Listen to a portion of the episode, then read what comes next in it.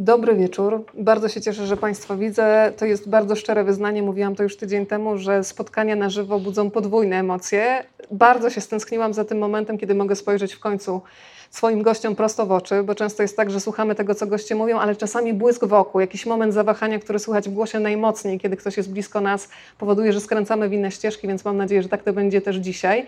Witam też wszystkich, którzy są z nami, ponieważ są za granicą na przykład, albo w innych miastach e, w Polsce. Mamy taką tradycję już, drodzy Państwo, tutaj w ogrodzie Władysława Broniewskiego, że takimi oklaskami witamy gościa, jednocześnie tych wszystkich, którzy są z nami emocjonalnie bardzo blisko, chociaż jeżeli chodzi o kilometry, czasami bardzo daleko, więc poproszę o taki wstęp. Te oklaski oczywiście dla Macieja Jarkowca. Maciek jest fantastycznym reporterem, dziennikarzem. Poznaliśmy się przy okazji jego pierwszej książki Powrócę jako piorun. Krótka historia Dzikiego Zachodu. Tę książkę Państwo też mogą dzisiaj nabyć. Pozdrawiamy Pana z wydawnictwa Agora, który dzisiaj Państwu będzie te książki dostarczał. Maciek, to zanim zanurzymy się w książce, która dzisiaj będzie tematem naszego spotkania, to poproszę o taki skrót dotyczący Russella Minsa, bo to był taki człowiek, którego poznali czytelnicy, którzy znają Twoją pierwszą książkę. Człowiek, który stawał się takim przewodnikiem po bardzo ciemnych, mrocznych zakamarkach amerykańskiego mitu. No i zmuszał czytelnika, każdego z nas, kto był czytelnikiem tej książki, do spojrzenia jednak na historię Ameryki z kompletnie innej strony. Ale proszę rozwiń i powiedz, czym się różnią te dwie książki. Na razie taki skrót, a potem już zanurzamy się tylko i wyłącznie w książce Rewolwer obok Biblii, w co wierzy Ameryka. Dzień dobry, witam wszystkich. Też się cieszę, miałem kilka y, spotkań już autorskich w związku z tą książką, ale to jest pierwsze z udziałem publiczności, więc bardzo mi jest miło. Takiej... Maciek, trochę bliżej mikrofon, dobrze, jeżeli dobrze, mogę Cię dobrze. prosić. Takiej publiczności, którą widzę e, przed sobą. Mm, e, pierwsza książka. E, Russell Means pojawił się gdzieś na horyzoncie mm, moich poszukiwań w momencie, kiedy szukałem temat, tematu do pierwszej książki. To był taki moment, że e, byłem w takim momencie swojej dziennikarskiej przygody, gdzie stwierdziłem, że chyba czas najwyższy e, popełnić coś większego, jakąś większą formę, napisać książkę po prostu. Mm, jeśli jakoś zależy mi na tym, żeby się rozwijać i żeby się trzymać tego zawodu, tej branży, e, tej roboty. E, I e, różne były pomysły, różne były tematy, różne były mm, koncepcje. I nagle po prostu jak grom z jasnego nieba spadł Russell Means, kiedy przeczytałem mm, wspomnienie o nim w momencie, jak umarł. E, przeczytałem chyba w Ekonomiście, w jakiejś zachodniej prasie bardzo takie przejmujące i sugestywne mm, wspomnienie e, o Russellu Minsie. E, I, i, I jakoś chwyciłem się go. Chwyciłem się go instynktownie, że może tamte inne tematy trzeba odłożyć na później i może trzeba się przyjrzeć temu człowiekowi i tak też zrobiłem. Mm, Russell Mintz to, jest, to był przywódca, jeden z najważniejszych przywódców takiej rebelii e, Indian północnoamerykańskich e, z czasów drugiej połowy XX wieku. E, lata 60., końcówka lat 60., 70., czyli taki czas, który zupełnie nam się nie kojarzy z jakimiś, w skrócie rzecz ujmując, wojnami Indian z kowbojami. A coś takiego rzeczywiście w pewnym sensie wtedy w Stanach miało miejsce na fali różnych kontrkulturowych e, buntów, e, zmian w kraju i, i, i, dochodzenia do tożsamości i, i do emancypacji różnych grup społecznych w Stanach w tamtym czasie. E, przebudziły się też społeczności tubylczych narodów Ameryki Północnej, Stanów Zjednoczonych. Początkowo w wielkich miastach, w enklawach, w których żyli Indianie w wielkich amerykańskich miastach głównie na środkowym zachodzie, a potem również w rezerwatach. I Russell Means był jednym z trójki najważniejszych, e, jednym z trzech najważniejszych, najważniejszych postaci e, tego ruchu. No i ta pierwsza książka, ona mm, głównie, jakby to nie jest taka klasyczna biografia, broń Boże, to jest trochę opowieść o tym człowieku, przez którą staram się przyjrzeć relacji właśnie Indian w USA z rządem amerykańskim i z, i, z, i z resztą społeczeństwa amerykańskiego na przestrzeni dziejów, poczynając od Kolumba i na współczesności rezerwatów kończąc. A y, przez to spojrzenie również próbuję powiedzieć coś szerszego o Stanach jako takich. Y, I, i, i, ta druga książka różni się przede wszystkim tym, y, że oferuje, przynajmniej staram się, szersze spojrzenie. Poprzez, poprzez tam, tam perspektywa była, z, y, przyglądałem się Stanom z tej perspektywy indiańskiej i z perspektywy tej konkretnej relacji, a tutaj w tej drugiej książce wchodzę na inne podwórka i z tychże podwórek też patrzę na Stany pod różnymi innymi kątami. Jeszcze tylko y, wyjaśnię, y, że używam tego słowa Indianie, Indianin. Chciałbym się tak tutaj troszkę wytłumaczyć też, bo wiem, że mm, zaczyna się albo już się toczy też jakaś debata na ten temat y, w Polsce. Widziałem nawet kilka tekstów w ostatnim czasie, dość niedawno w prasie. Mm, ja używam tego słowa konsekwentnie w stosunku do ludów tubylczych w USA, bo oni sami też tego terminu używają. I oczywiście rekomendują, żeby używać e, e, nazw konkretnych ludów, konkretnych narodów, konkretnych, e, konkretnych grup etnicznych, jeśli jest to możliwe, ale termin ogólny Indianie nadal funkcjonuje. On funkcjonuje w nazewnictwie rezerwatów również, w nazewnictwie instytucji, które w Stanach mm, reprezentują tą społeczność. E, więc sytuacja wygląda całkiem inaczej oczywiście w Ameryce Południowej, a nawet w Kanadzie, czy w Ameryce Łacińskiej, w Meksyku też, ale w Stanach ten termin e, jest jakby oficjalnie e, dopuszczony przez samych zainteresowanych do, do użycia, dlatego też stosuję go to nasze spotkanie na temat Twojej kolejnej książki. Zaczniemy od stanu, który chyba lubimy wszyscy, czyli od takiego stanu zakochania. Jest taki fragment w Twojej książce, w którym piszesz e, następująco. Miałem 16 lat, gdy pierwszy raz przyjechałem do Nowego Jorku. To był ostatni weekend wakacji u mamy. Zajęliśmy wolne mieszkanie znajomego na 27 piętrze wysokościowca przy 60 ulicy między pierwszą a drugą aleją. Z balkonu widać było East River z jej nieustającą, ociężałą wędrówką barek i kontenerowców. Tuż, tuż na wyciągnięcie ręki rosły inne drapacze chmur. Widzieliśmy czerwony wagon kolejki linowej na Roosevelt Island. Wspinała się lekko niebem, by po kilkunastu minutach stoczyć się z powrotem jak syzyfowa kula na swój maleńki terminal, niemal niedostrzeżenie wtopiony w betonowo-szklaną ścianę. I ten fragment Maciek lubię najbardziej, bo pokazuje takiego coś bardzo młodzieńczego i takiego, że chcesz chłonąć miasto wszystkimi zmysłami, spałem w śpiworze na balkonie. Sypialnia, nawet z oknem otwartym na oścież, była za daleko. Nie czułbym tam oddechu miasta, jego gorąca i zapachu. Nie słyszałbym tak wyraźnie wrzenia w kanionie drugiej alei, 27 piętra niżej.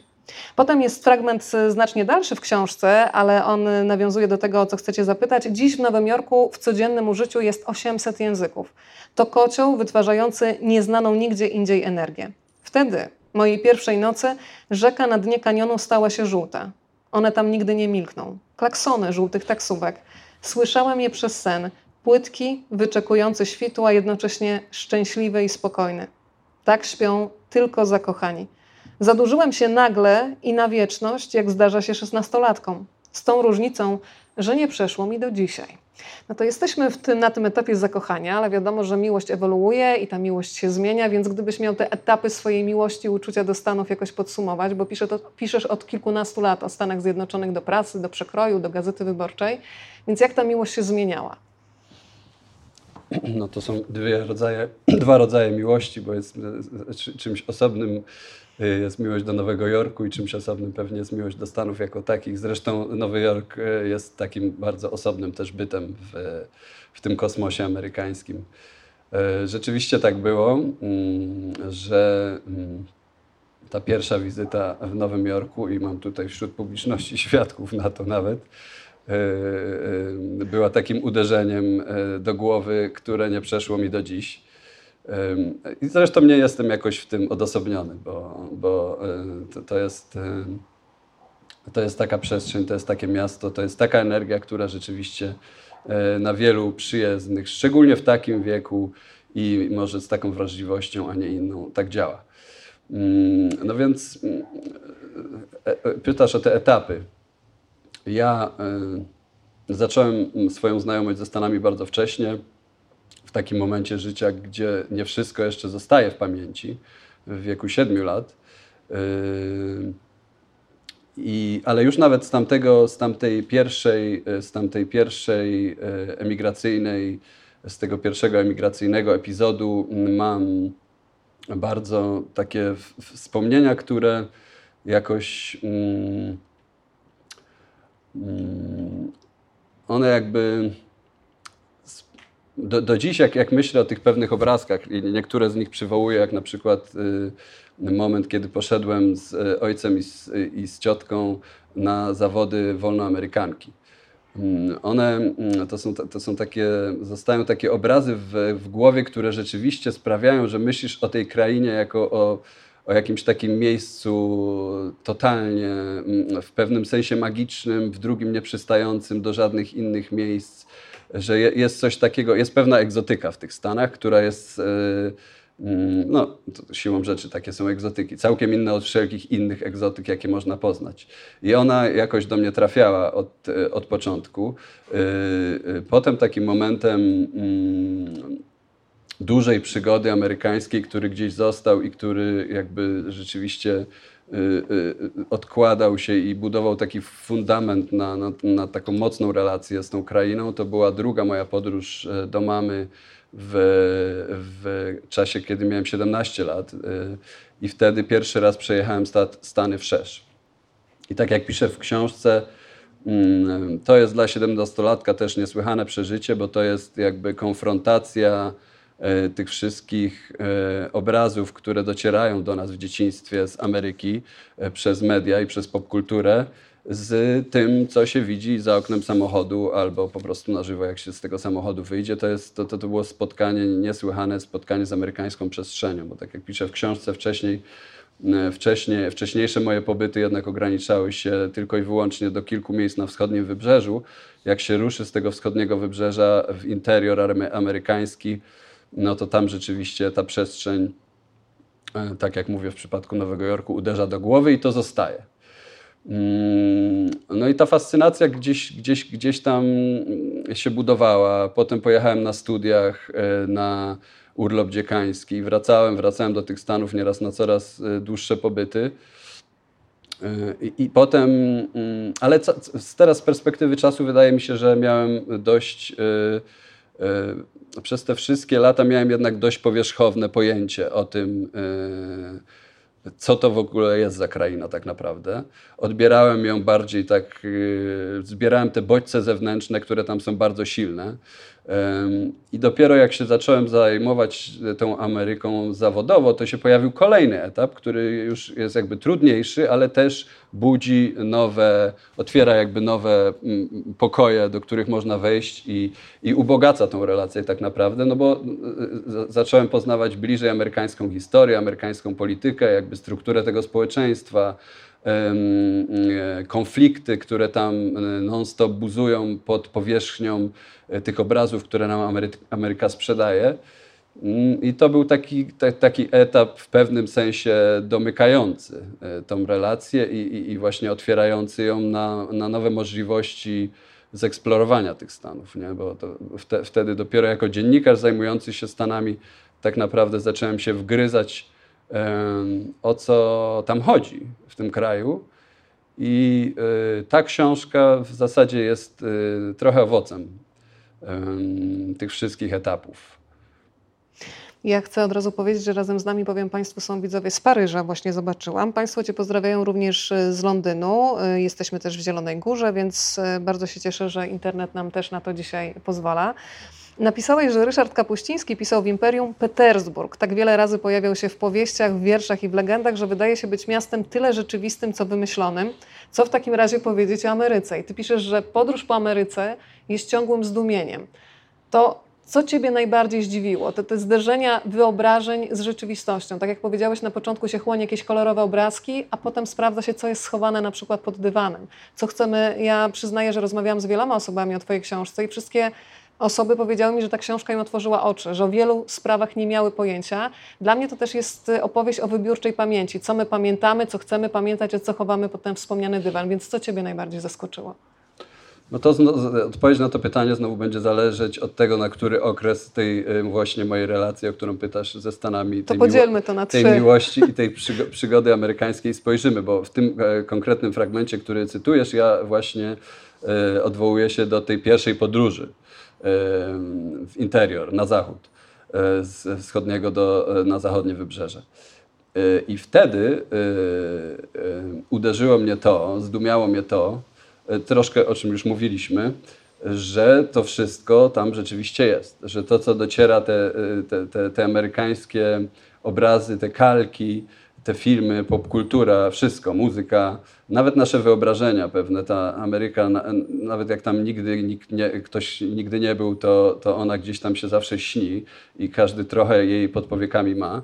No i potem się jedzie do tych Stanów i, i, i to wszystko jest żywe, wiesz, nie, nie narysowane, nie, nie nagrane, yy, nie wyświetlone na ekranie, tylko naprawdę. Zostało są... mi w głowie ten moment, kiedy ty jesteś małym chłopcem i nagle widzisz tort, czapeczki kolorowe, Coca-Colę, no w ogóle wiesz, to, jak to, sobie wyobrażam sobie jako to, dziecko, to, to spełnienie marzeń. No. To zobaczyłem jeszcze na zdjęciu, które przyszło ze Stanów, e, na którym były moje siostry. Ale rzeczywiście to, ta, ta pierwsza podróż w, mm, w poprzek e, wszerz kontynentu była zdumieniem, jak bardzo rzeczywiście ta rzeczywistość, ta rzeczywiście rzeczywistość amerykańska jest prawdziwa, namacalna, jak bardzo można jej doświadczyć, te, te, te, te małe miasteczka, te drogi słynne, które wszyscy znamy, po których nikt nie jeździ, które się kończą jakimiś wielkimi urwiskami skalnymi, e, te wielkie przestrzenie prerii, te pustynie, e, bary, e, ludzie,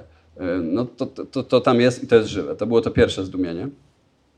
E, a zdumienie drugie, do, do, którego już też nawiązywałem przed, przed, przed chwilą, mm, no to jest jak zaczyna się poznawać e, troszkę właśnie więcej e, historii amerykańskiej i, i próbuje się zrozumieć, mm, zrozumieć ten kraj. I, i, I, to jest paradoks, bo, bo to zdumienie polega na tym, i tu trochę sobie zaprzeczę, dlatego to, to, to jest właśnie taki paradoks, że, że okazuje się wtedy, i to jest zdumiewające, jak bardzo tak naprawdę ona odbiega od naszych wyobrażeń. Jak dużo bardziej jest skomplikowana e, niż te obrazy, e, które, e, które nam oferuje i które, jak mówiłem, są żywe, ale co pod tymi obrazami jest jak bardzo ona ucieka od stereotypów wszelkich, że jak trudno, jak trudno Amerykę i ludzi tam mieszkających włożyć w jakąkolwiek szufladę, w jakikolwiek stereotyp. Jak skomplikowaną ma historię. E, jak e, nieskończenie zróżnicowane społeczeństwo i z czym to się wiąże, z, jakimi, z, jakim rodzajem konfliktów. E, to jest rzeczywiście kosmos nieskończenie skomplikowany, nieskończenie chaotyczny.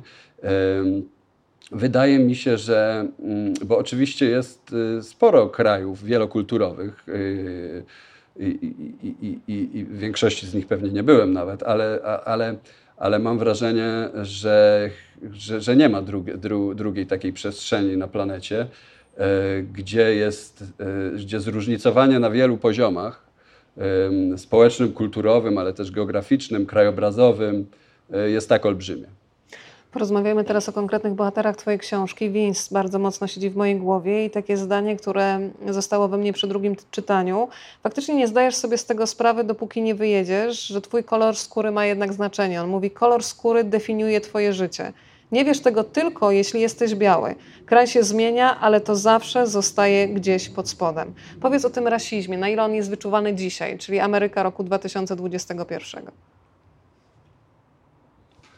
No to, to, to tak jak mówi Vince o rasizmie, trochę y, y, trudno mówić, kiedy się jest białym.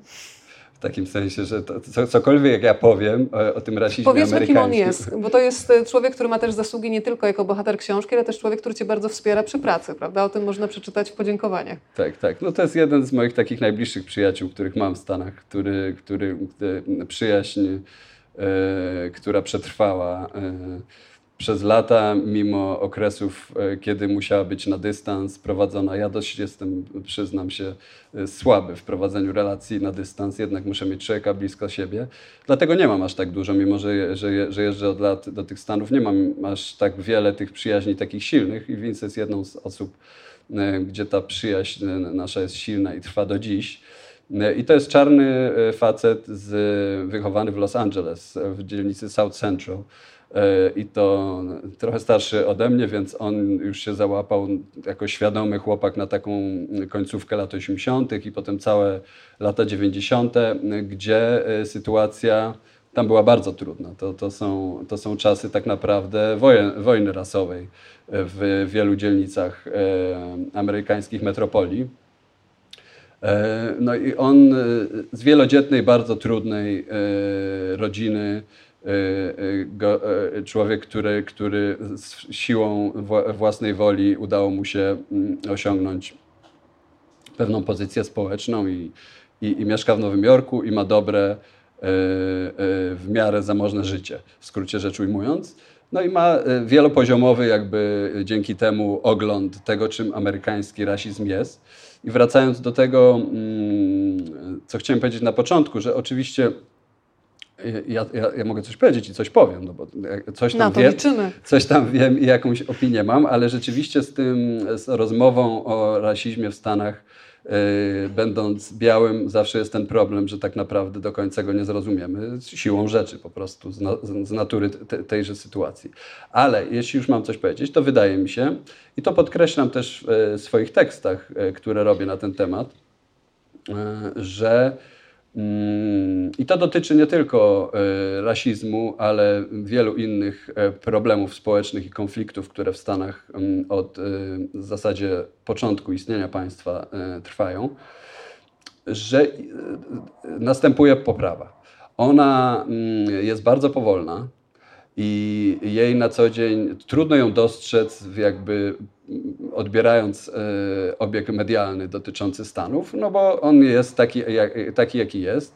E, news, news, e, jakby media karmią się newsem, który jest nieprzyjemny z reguły, więc słyszymy o amerykańskich mm, kwestiach rasowych przy okazji tego, jak ktoś zostanie zastrzelony na ulicy, albo jak dojdzie do jakichś zamieszek na tym tle i tak dalej, i tak dalej. I, i, i taki, taki przekaz do nas dociera ale zmierzając jakby do puenty, mm, no poprawa jest olbrzymia, y, y, wydaje mi się, nawet w stosunku do tego, jak wyglądała sytuacja mniejszości afroamerykańskiej w Stanach w latach 90., nie mówiąc już oczywiście o latach 60., kiedy rozpoczął, y, kiedy swoją 50., 60., kiedy toczyła się walka ruchu praw obywatelskich. Więc mm, ten rasizm oczywiście jest i to zależy, gdzie się pojedzie, on jest większy lub mniejszy, bardziej lub mniej odczuwalny dla, dla czarnych Amerykanów, ale y, następuje, następuje z jednej strony emancypacja y, y, afroamerykańskiej mniejszości na poziomie Mm, społecznym, ekonomicznym również powolutku, bo powolutku, ale też, a z drugiej strony jest jednak coraz większa akceptacja w społeczeństwie. To jest, to jest mój, moje wrażenie i też to wynika troszkę z rozmów z samymi Afroamerykanami w Stanach, wydaje mi się. Mm, ale, ale wiesz, nawet w tym słowie akceptacja jest rodzaj wyższości, tak, że my oczywiście, was akceptujemy. Bo, bo to, właśnie, to właśnie mhm. chciałem powiedzieć, że, mm, że istotą y, tego problemu jest to, że wydaje mi się, że on tak naprawdę mm, nigdy nie zniknie. Że to będzie taka poprawa, która jakby nie prowadzi e, do jakiegoś takiego pełnego oczyszczenia e, tej sytuacji. E, wydaje mi się, że, mm, że bagaż historyczny jest zbyt duży, żeby można było sobie wyobrazić pełną równość. Skoro mówimy o tym bagażu historycznym, to jestem bardzo ciekawa, Maciek, co Ciebie najbardziej zaskoczyło przy odkrywaniu tych historii sprzed lat. Ja przyznaję, że do tej pory, kiedy myślałam o Jeffersonie, no to od razu deklaracja niepodległości przed oczami, prezydent Stanów Zjednoczonych, jakoś tak bardzo szlachetnie i świetnie. Po czym e, czytam u Ciebie, że na plantacjach tytoniu i pszenicy w posiadłości Thomasa Jeffersona pracowało 607 niewolników. Przed śmiercią Jefferson uwolnił siedmioro. Jego teść, plantator i handlarz niewolnikami przez lata gwałcił jedną z niewolnic, spłodził z nią sześcioro dzieci, które po urodzeniu, co też strasznie brzmi, ale tak było, stawały się jego własnością. I pokazujesz słowa, które weszły do słowników, do podręczników historii i te, które pominięto. Kompletnie zmieniają ogląd y, osoby. bo pamiętamy doskonale takie wypowiedzi Jeffersona na temat tej wolności, że ta wolność jest właśnie dla wszystkich, tylko że pominięto ciąg dalszy. Jaki był ciąg dalszy, jakie były poglądy Jeffersona, bo o tym należałoby mówić głośno i wyraźnie, żeby tej szlachetności jednak nie przesadzać z tą szlachetnością. Te słowa, e, które cytujesz, one są wypisane na ścianie rotundy, w której stoi pomnik Jeffersona w Waszyngtonie. I właśnie tylko pierwsza część tego cytatu. Druga część e, pokazuje, nie będę, nie pamiętam dokładnie jakimi słowami to wyraził, ale Jefferson generalnie był zwolennikiem e, powrotu niewolników i ich, no wtedy jeszcze niewolników, na kontynent afrykański. On był zwolennikiem budowy Stanów Zjednoczonych jako państwa e, białych ludzi, białych Europejczyków, dokładnie rzecz ujmując. E, więc mm, no, takie są fakty historyczne i rzeczywiście, ale i, i, kiedy mówiłem o tej poprawie, to też to e, mam na myśli, że mm, biografie na przykład ojców założycieli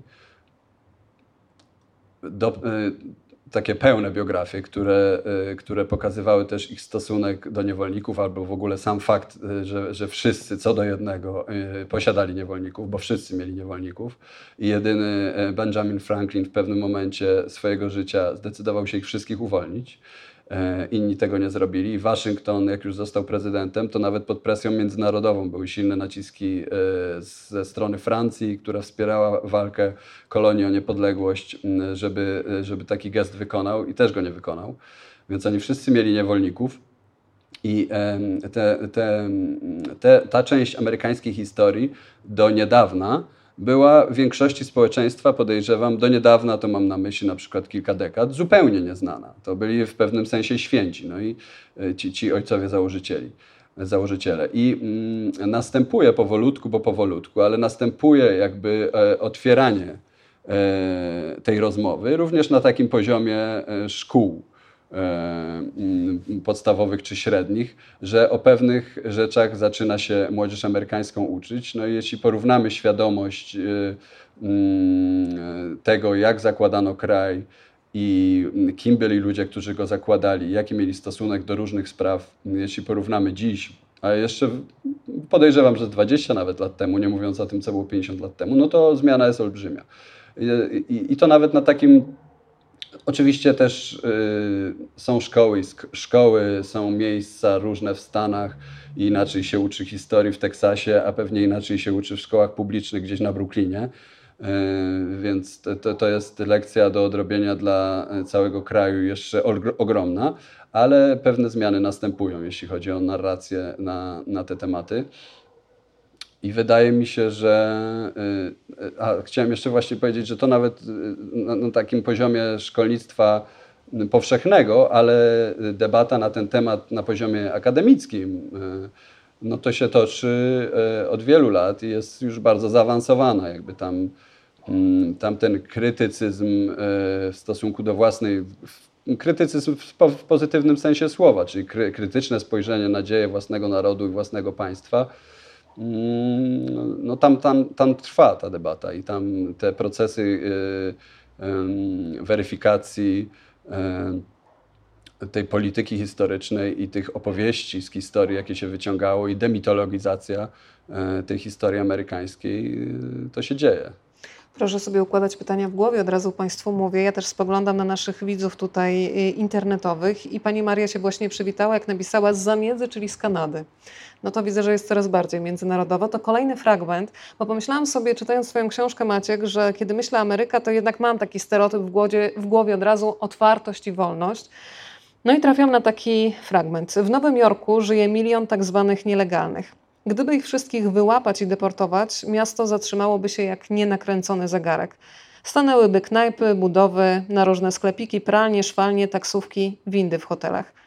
Imperium od zawsze próbuje zatrzymać ludzi, którzy je budują. Pierwszą ustawę imigracyjną kongres przyjął w 1790 roku. Zapisano, że nowym obywatelem może zostać jedynie wolna, biała osoba. W 1870 roku zakazano naturalizacji imigrantów z Azji. Prasa nazwała ich w tamtym czasie żółtym zagrożeniem. Pod koniec XIX wieku zakazano wjazdu do kraju osobom upośledzonym, chorym, anarchistom i analfabetom. W 1907 roku USA wymusiły na Japonii zaprzestanie wydawania paszportów Japończykom, którzy chcieli emigrować do Stanów. W 1923 Sąd Najwyższy uznał Hindusów za niebiałych, co pozwoliło odbierać im wcześniej nabyte obywatelstwo. Ustawy imigracyjne z lat 20. ograniczyły napływ przybyszów z Azji, Europy Południowej i Wschodniej. W czasie wielkiego kryzysu deportowano od pół miliona do dwóch milionów obywateli USA pochodzących z Meksyku. Antyimigranckiej kampanii w Stanach podziwiał młody Adolf Hitler.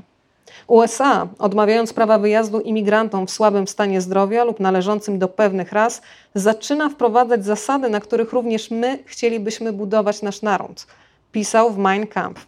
I przypominasz rok 39, pokazując y, na konkrecie, jakie konsekwencje mają decyzje podejmowane w tamtym czasie, kiedy to statek z tysiącem żydowskich uchodźców z Niemiec na pokładzie zostaje przegoniony w zasadzie z amerykańskich wód.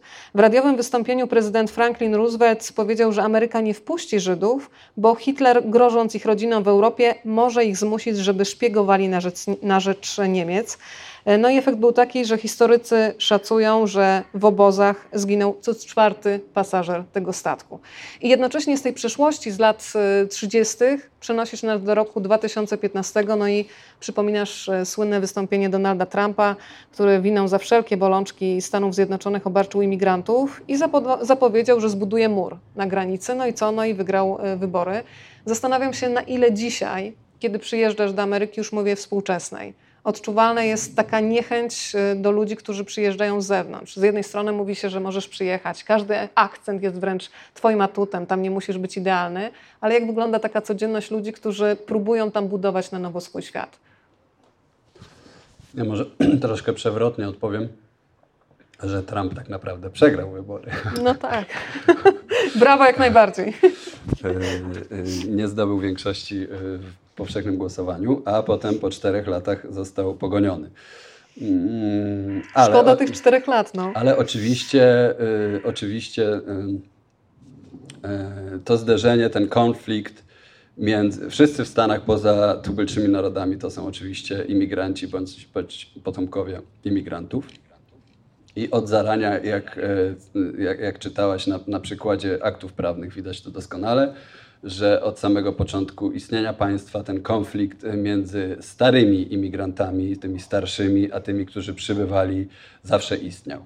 I Trump e, e, jakby swoją taką symboliczną determinacją budowy muru jest pewną puentą e, tego procesu. Mm, no, no I nie ma łatwej odpowiedzi na to pytanie mm, to jest właśnie to, o czym mówiłem wcześniej. Nie da się, nie da się wy, wysnuć jednego, jednej opowieści to powiedz o Stanach. To ale... przykładzie, bo ty też tak, byłeś tak, tak. pewnego tak. dnia nielegalny. Przecież zarabiałeś jako kelner, robiłeś tam filmy krótkometrażowe, no ale też powiedzmy sobie, że był taki etap, kiedy to nie było. Nie, ja, no, ja, w Stanach, ja w Stanach zawsze się czułem bardzo mile widziany i bardzo bezpiecznie i, i i, i nie odczuwałem żadnej niechęci, a nawet takiej do końca mm, niewysłowionej, niewysłowionej i takiej, takiej, takiej troszkę ukrywanej, którą da się wyczuć, nie będę mm, wymieniał konkretnych państw, ale da się wyczuć w niektórych zakątkach Europy. Że przyjeżdżasz i tak y, y, czujesz, że, że, że jednak jesteś z tej Europy Wschodniej i że może niektórzy woleliby, żebyś został u siebie. W Stanach tego nie czułem, ale odpowiadając na Twoje pytanie, e, zawsze te dwie emocje, te dwa rodzaje emocji e, tam występowały i występują, czyli z jednej strony otwartość na przybysza, a z drugiej strony niechęć do przybysza. E, I powiem, e, odpowiem mm, tym, co obserwuję ostatnio i z czym się dzieliła moja mama, która tutaj jest wśród nas, która mieszka w Stanach na stałe, że za czasów Trumpa mm, jeśli się nie mylę, y, y, odczuwanie tej niechęci niektórych y, było, było dużo silniejsze, że, że, że, że jakby rzeczywiście zaszła jakaś zmiana, że imigranci w Stanach mieli więcej, częściej po prostu odczuwali w niektórych sytuacjach to, że są z zewnątrz, co oczywiście tym jest absurdem, bo nikt tam tak naprawdę z zewnątrz nie jest. Ale i dlatego zacząłem tą odpowiedź na to pytanie w taki, a nie inny sposób. Ja generalnie jestem optymistą. Wydaje mi się, że ten żywioł, ten żywioł otwartości amerykańskiej i przyjmowania nowych, nowych Amerykanów na łono E, tego, tego narodu, e, on, on zawsze zwycięża e, ostatecznie, no bo jakby jeśli on przestanie zwyciężać, to przestanie istnieć Ameryka jako taka. Ona jakby w, w, w jej naturę, w jej, w jej istnienie wpisane jest to, że tam ciągle muszą ludzie przyjeżdżać nowi. Jakby tym ona jest. Jak naj, naj, najistotniejszym mitem amerykańskim jest mit o tym, że każdy obywatel tej planety, gdziekolwiek by nie był, może sobie marzyć o tym, że może pewnego dnia wyruszy do tych Stanów i że tam będzie lepiej. On oczywiście e, ma e, swoje różne aspekty, ten mit, i e, jest bardzo skomplikowany i bywa prawdziwy dla niektórych bardziej, a dla niektórych mniej, ale on istnieje. Jeśli Ameryka by się miała zamknąć murem, no to jej po prostu nie będzie. Drodzy Państwo, teraz będzie konkurs. Kolejny fragment przed nami i czekam na pierwszą osobę, która rozszyfruje, do jakiego miejsca nas Maciek zabiera. Tylko umawiamy się na szczerość. Jeżeli ktoś już czytał książkę i wie o co chodzi, to proszę zachować takie dumne milczenie. A ci, którzy nie czytali i chcieliby tutaj spróbować swoich sił, to, to bardzo proszę. Czesław Miłosz, który przez ponad 30 lat mieszkał w Berkeley, w widzeniach nad Zatoką San Francisco cytował Raymonda Dasmana, biologa i autora książek o historii Kalifornii. Fale przyszłości uderzają najpierw o skalisty kalifornijski brzeg. Zmiany zachodzą tu najszybciej. Do hmm, hmm, hmm, przyjechałem nieco po siódmej. Jeśli przyszłość jest tutaj, to oznacza odgrodzenie. Kampusu firmy w Mount View, 50 km na południe od San Francisco, strzegą dziesiątki ubranych na czarno ochroniarzy. Stoją na rogach, przy wjazdach na parkingi, pod budynkami. Dlaczego was tylu? Zapytałem szerokiego latynosa w kurtce z logotypem firmy pod jej główną siedzibą. Spojrzał na mnie podejrzliwie. To statek matka. Musimy o nią dbać. Na drzwiach czerwone znaki. Stop, wstęp tylko dla pracowników. Czy ktoś już się domyśla? Kontynuuję w takim razie. Miasteczko, hmm, hmm, hmm, dziesiątki niskich biurowców na 56 hektarach powierzchni. O poranku tętni życiem. Ogrodnicy przycinają żywe płoty, dostawczaki zajeżdżają z zaopatrzeniem, pracownicy pędzą na firmowych rowerkach kolorowych jak literki logotypu i znowu nie mogę powiedzieć co, bo już będzie wszystko jasne, ale logotyp jest kolorowy, to się zgadza albo grają przed pracą w siatkówkę plażową. W miasteczku pracuje 20 tysięcy ludzi. Na całym świecie korporacja zatrudnia 100 tysięcy osób. Działa z kilkunastu krajów w dziesiątkach branż związanych z nowoczesnymi technologiami. Również na najbardziej ekstrawaganckim polu uprawianym w Dolinie Nieśmiertelności. Na stronie 2045.com znalazłem guzik Nieśmiertelności. Kliknij, żeby rozpocząć budowę Twojego osobistego awatara to za chwilę klikniemy i tutaj uruchomimy wirtualnie tę przestrzeń, którą eksplorował Maciek, ale czy ktoś e, ma pojęcie, gdzie jesteśmy? Ale gdzie jesteśmy konkretnie, to, to lokalizacja padła, tylko... Jaka firma chyba. Jaka firma? Doskonale. I pani otrzymuje książkę od pana. Proszę się zgłosić do stolika po prawej stronie. Brawa dla tej pani. Pani nie dowierza chyba. Takie rzeczy się dzieją w ogrodzie Broniewskiego. Broniewski tam czuwa z góry, na pewno jest zadowolony, że tutaj jest dobrodziejem dzisiaj. No to powiedz, jak tam trafiłeś i rozwiń trochę tą historię, co się kryje za hasłem guzik nieśmiertelności. Naciskamy. Hmm. Trafiłem e, w ten sposób, że po prostu chciałem się zająć tym tematem e, w książce. Ale książka jest naprawdę dla Pani. Pani może podejść do Pana. Dobrze. Więc e, poszukując e, tematów, które chciałbym poruszyć w, w tej książce, Dolina Krzemowa była jednym z kierunków, w które chciałem się udać. I e, chociaż bywałem, bywałem w Kalifornii wcześniej też, ale zawsze troszkę pobieżnie i tak naprawdę w te zakamarki tych gigantów technologicznych nie zaglądałem, a tego konkretnego razu, kiedy po prostu pojechałem na wyjazd reporterski, żeby przywieźć stamtąd jakiś materiał, najpierw do tekstu prasowego, a potem e, do, do tego rozdziału, e, do książki, no to odwiedziłem parę miejsc, między innymi Google'a właśnie, e, Apple'a przez Facebook też się przejechałem, chociaż tam mnie nie wpuścili do środka. To gdzie były większe zapory, w Apple'u czy w Google? Tam generalnie trzeba wszędzie mieć jakiś kontakt, jakieś wejście i miałem bardzo fajny kontakt y, dzięki mojej siostrze tak naprawdę w Apple'u, y, gdzie udało mi się zdobyć wywiad z dziewczyną, która jest tam bardzo wysoko, jest w tym mm, bardzo wąskim zespole, tak naprawdę kilkuosobowym, który projektuje. E, a w Apple'u słowo projektować to jest słowo kluczowe. Ale ciężko, ciężko, ciężko tam zdobyć jakiś materiał tak naprawdę, ale udało się tu i ówdzie. Mm, e, I to jest pasjonujący świat z wielu względów. E, Dolina Krzemowa. Y, dla mnie takim zaskoczeniem, kiedy tak zacząłem porządniej tam jeździć i też piszę o tym w książce, to przede wszystkim było to, że mm, tam jest dość zwyczajnie, w sensie takim y, urbanistycznym wręcz. Że ja sobie zawsze wyobrażałem, że to jest taka przestrzeń, e, że, że te giganty technologiczne, które tam istnieją, w dużo większym stopniu zaanektowały przestrzeń urbanistycznie, że, że tam jest bogato, e, że tam wszystko jest e, nowe, świecące i generalnie dość dużo mm, przestrzeni miejskiej wokół samych siedzib firm, to też jest po prostu taki hipernowoczesny świat. Troszkę jak w niektórych miejscach w, w Azji, gdzieś, nie wiem, byłem na przykład w Singapurze, tam tam, tam było szokiem, że są, są całe takie e, dzielnice, gdzie po prostu jest hipernowoczesność. Idziesz przez jak, jakieś po prostu super nowoczesne, kosmiczne wręcz miasto momentami. A e, w Dolinie Krzemowej e, stoi sobie wspaniały budynek Normana Fostera, który jest główną siedzibą Apple'a olbrzymia obręcz, wokół niej jest olbrzymi ogród, ale zaraz za płotem ogrodu jest najzwyczajniejsza w świecie po prostu dzielnica niskich domków parterowych i to y, takiej, nazwijmy to, y, klasy średniej, y, klasy pracującej do niższej średniej max.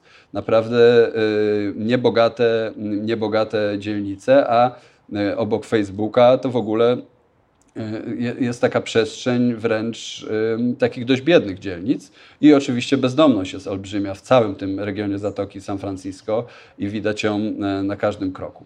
Więc to, to dla mnie było najbardziej zaskakujące, jeśli chodzi o takie wrażenia wzrokowe, czysto estetyczne. E, a pytasz o ten guzik nieśmiertelności, to, to, znalazłem taki guzik jeszcze wcześniej, zanim tam pojechałem, robiłem mm, tekst o, o, o tych poszukiwaniach Mm, sposobów na nieśmiertelność. Zafascynował mnie ten temat, temat już lata temu, jak zobaczyłem film dokumentalny o Reju Kurzweilu, który mm, obecnie jest e, e, szefem inżynierii w Google, jest człowiekiem o wielkich osiągnięciach na polu technologii i który, e, który po prostu wierzy w to, że nieśmiertelność jest możliwa w takim sensie, sensie, sensie dosłownym i tu już nie będę rozwijał tego tematu, mam troszkę o tym w książce, ale wtedy zacząłem się przyglądać w ogóle, co tam się dzieje wokół tego, czy to są, nie wiem, jakieś tabletki przedłużające życie, czy to jest jakaś nanotechnologia, czy to się dzieje właśnie na jakimś takim poziomie styku yy, yy, organizmów cyfrowych z biologicznymi i tak dalej, i tak. I wtedy znalazłem taką stronę, że rzeczywiście jest strona 2045.com, gdzie można wejść. Nie wiem, czy nadal, ostatnio tam nie byłem, ale jak. E, Proszę przy... sprawdzić, kto ma telefon. Jak przygotowywałem się do książki, to jeszcze sprawdzałem i nadal za, teraz nie pamiętam, chyba w książce pada ta kwota, za milion czy za kilka milionów dolarów można już dziś zamówić sobie robota, takiego awatara, który, e, na którego w momencie, kiedy technologia będzie gotowa, nasz mózg e, zostanie przeszczepiony i będziemy żyć my i ten awatar, cokolwiek to będzie, ten nowy byt będzie żyć wiecznie, więc to, to, to się dzieje. To są transhumaniści, tak? To są transhumaniści, którzy mają swoje katedry na najbardziej renomowanych uniwersytetach e, w Stanach i na Wyspach Brytyjskich, e, którzy mają za sobą, sami mają olbrzymie pieniądze, bo to są miliarderzy z reguły, czy nie tylko, bo akademicy też, którzy nie są aż tak bogaci, ale którzy mają za sobą sponsorów mm, i którzy mają za sobą jakby całą branżę, która nad tym tematem pracuje. No i, i i nie wiem, to są takie historie z pogranicza e, filozofii chyba już troszkę. E, Harari się tym zajmuje, e, jak wiemy, i, i snuje różne wizje. bardziej lub mniej przerażające. Nie chciałbym w to wchodzić, ale, ale, ale rzeczywiście, no, no jak pytałem ludzi w Dolinie Krzemowej, ludzi, którzy tam zasuwają od rana do nocy w Google po to, żeby spłacić kredyt na jakiś potężny dom, który sobie postawili na klifie w San Francisco, no to oni z dość dużym przymrużeniem oka patrzą y, na marzenia swoich szefów o nieśmiertelności. Chyba troszkę nie mają czasu na zastanawianie się nad tym tematem. I pada często taka opinia, że to jest trochę taka mm, ta nieśmiertelność, że to jest taka zabawa trochę dla miliarderów, biorąca się stąd, y, że w zasadzie nic innego już się nie da wymyśleć. Jak wiemy, jak widzimy, jak obserwujemy na przykład mm, rozwój y, technologii, która miałaby nam umożliwić loty w kosmos, y, no to oczywiście można to różnie interpretować ale generalnie szału nie ma. Tak? Byliśmy na Księżycu ostatni raz, tam chyba w latach 70., już na niego nie dolecieliśmy, a wizje z filmów science fiction robionych e, przez dekady, że będziemy latać bardzo daleko, no się nie spełniają i najprawdopodobniej w najbliższych stuleciach pewnie się nie spełnią, no więc trzeba wymyślać coś tutaj. Wiesz, co mnie najbardziej przeraża, że wszyscy się ekscytują, nikt nie myśli o tym, ile tam paliwa jest spalanego, ziemia tu umiera, nie ma wody, coraz gorzej, katastrofa ekologiczna, a tutaj miliarderzy sobie latają no. dalej. No to jest tak absurdalne, ale po, posłuchaj, bo myślimy równolegle, powiedziałaś o tych ludziach, którzy pracują od rana do nocy w Google I został mi w głowie jeden z Twoich bohaterów, który mówi: Wstaję o 4.30, niedługo po 5.00 siedzę w autobusie Google'a, gdzie mam Wi-Fi, tam zaczynam pracę. Do domu wracam około 21.00. W tygodniu nie widuję córek. W weekend muszę być pod telefonem, również w nocy, bo pracujemy z zespołami w różnych strefach czasowych. Wcześniej pan, o którym e, mówię, był prokuratorem. E, przyszedł do Google'a, tak jak wspomniałeś, no, żeby zarabiać te krocie, bo stwierdził, że z pensji rządowej nie jest w stanie utrzymać czteroosobowej rodziny. Kupił dom w pięknej okolicy, chce go spłacić, oszczędzić na studia dla córek i wrócić na państwową posadę.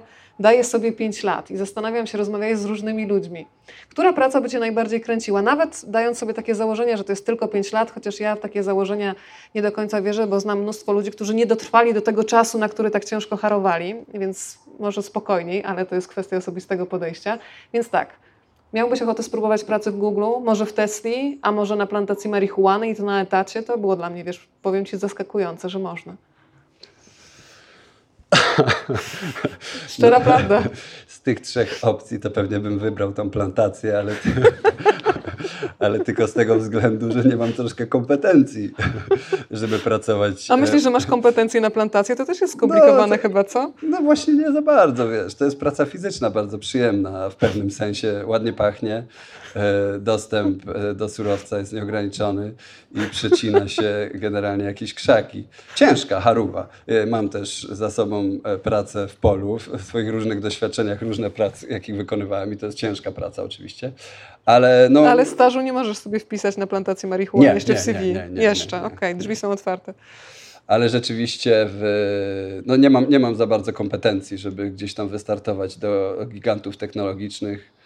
Tak naprawdę ograniczają się moje kompetencje, które, które mo mogą mnie jakoś utrzymywać na powierzchni do pisania, więc tego się będę trzymał. Książka Maćka jest tak skonstruowana, zresztą piszesz o tym we wstępie, że inspiracją do pisania był dla Ciebie Hopper. Dzisiaj sobie przed tym spotkaniem jeszcze przypomniałam jego obrazy i tak jak sobie kiedyś rozmawialiśmy, one faktycznie mają w sobie i przestrzeń, i dystans niby, ale jesteś blisko z tym człowiekiem, bo ktoś zauważył jego samotność. Ale udało Ci się zrobić coś tak jak ten Hopper na niewielkich y, obrazach zamykał jakąś opowieść o Ameryce, to Ty opowiadasz o bohaterach i to nie tylko tych współczesnych, ale o tych sprzed lat w taki sposób, że oni są na wyciągnięcie ręki.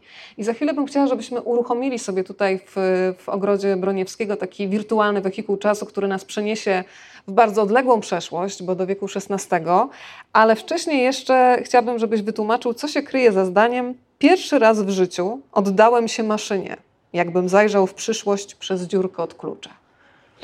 No tu wracamy do Tesli. Rzeczywiście e, w tych e, podróżach przez Dolinę Krzemową zawitałem też do takiego miejsca, gdzie można było przetestować najnowszy model e, Tesli. I to był jeden z tych, które same jeżdżą. I rzeczywiście, y, no, bardzo ciekawe doświadczenie. Ale potrafisz puścić kontrolę? Bo ja powiem Ci szczerze, że nie widzę siebie w takim samo, samochodzie. Ja zamykam oczy nawet jak ktoś, o, wiesz, prowadzi obok mnie, dopiero nie ma kierowcy. Ja Byłabym powiem- przerażona. Ja powiem szczerze, że y, w, mam. To jest też taki paradoks troszkę, bo z jednej strony mam bardzo ograniczone mm, potrzeby, jeśli chodzi o posiadanie jakiejkolwiek technologii. I mam, nie mam nawet smartfona jako takiego, w którym byłaby karta SIM. Mam starą Nokię i mam, y, mamy w domu y, stary telewizor z kineskopem, który zresztą bardzo rzadko jest włączony i e, wierzę unitry od teściów, ale z drugiej strony mam zaufanie do technologii. Jak, jak, już, jak już się jej muszę oddać, e, to jakoś robię to bez oporów. E, Na przykład bardzo lubię latać samolotami i nigdy nie wydawało mi się, że, że to, że totalnie nie mam kontroli nad tym, co się dzieje z tą maszyną i że ona w każdej chwili może spaść do oceanu, nigdy mnie to nie przerażało. I tak samo było z tym samochodem. No jak mi kazano puścić, e, zdjąć nogę z pedałów i puścić kierownicę i mi powiedziano, że on będzie sam jechał, no to zrobiłem to bez oporów i rzeczywiście jedzie. E, Jedzie, zatrzymuje się wtedy, kiedy trzeba, hamuje, kiedy trzeba, nie potrąca pieszych, nie robi stłuczek. To oczywiście nie był jakoś super długi test. Jeździliśmy tam kilkanaście minut po miasteczku, też nie jakimś dużym ale e, ciekawe doświadczenie, tak. I jestem w ogóle ciekawy tego, e, jak ta technologia się rozwinie, e, bo mm, jest obiecująca. Wydaje mi się, że, że mogłoby to wiele problemów rozwiązać. Szczególnie w Stanach, gdzie transport publiczny, gdzie transport publiczny jest słaby, a, a z, z rozwojem tych samojezdnych samochodów wiąże się między innymi też zupełne jakby przeprojektowanie amerykańskich miast, jeśli chodzi o to, jak się będzie nimi poruszać. Co wielu, wielu, wielu, wielu tym miastom by się przydało na pewno. To z tej super nowoczesnej Tesli y, przesiadamy się na statek, który płynie wiele miesięcy do Stanów Zjednoczonych. I chciałabym, żebyśmy przedstawili Johna White'a. Tak jak powiedziałam, piszesz, piszesz tak, że człowiek, z którym minęliśmy się w czasie, jest w pewnym sensie na wyciągnięcie ręki.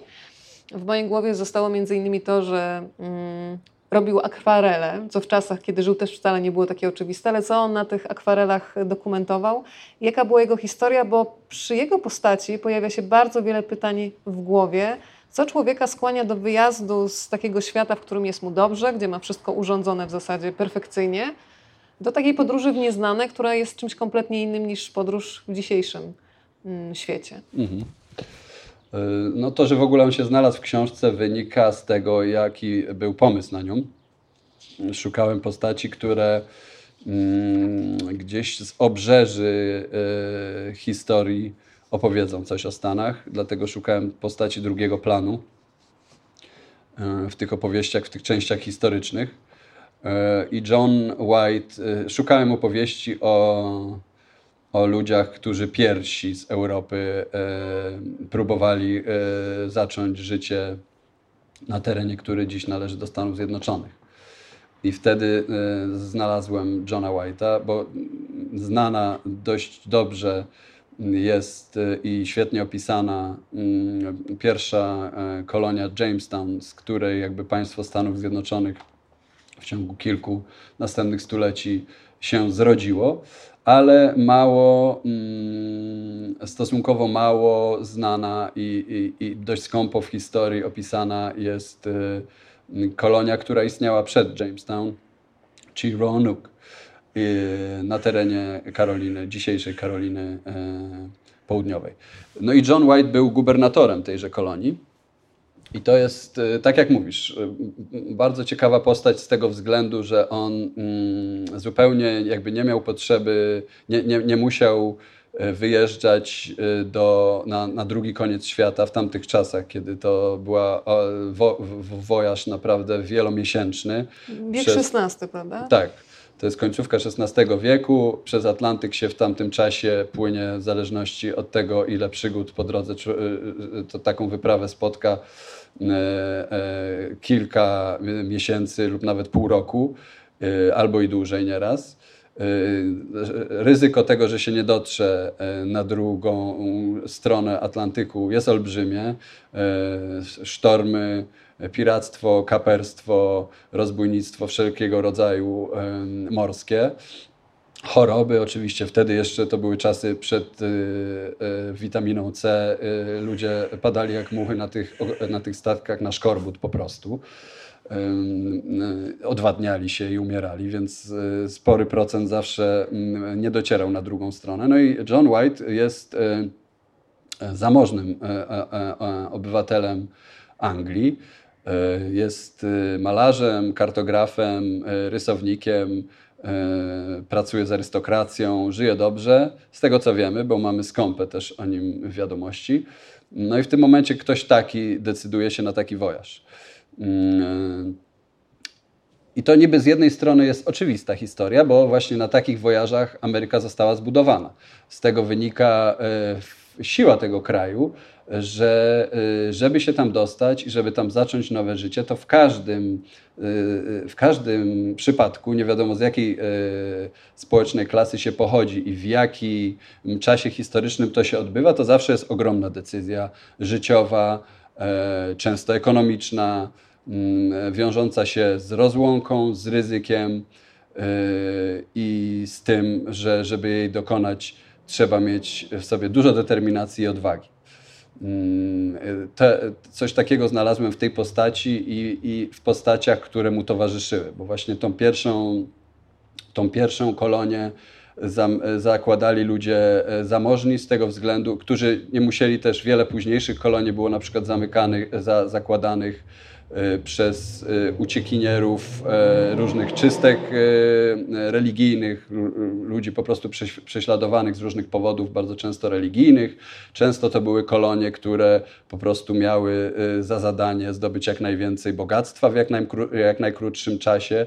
I ta pierwsza kolonia też oczywiście taki aspekt miała, ale duża grupa ludzi, którzy zakładali Roanoke, to byli zamożni ludzie, którzy w zasadzie ciężko chwycić, po co oni tam pojechali po, i, i, i jak, jak, zaczynamy się zastanawiać, po co oni tam pojechali, no to w tym momencie dostajemy trochę taką odpowiedź właśnie na to pytanie, czym ta Ameryka jest.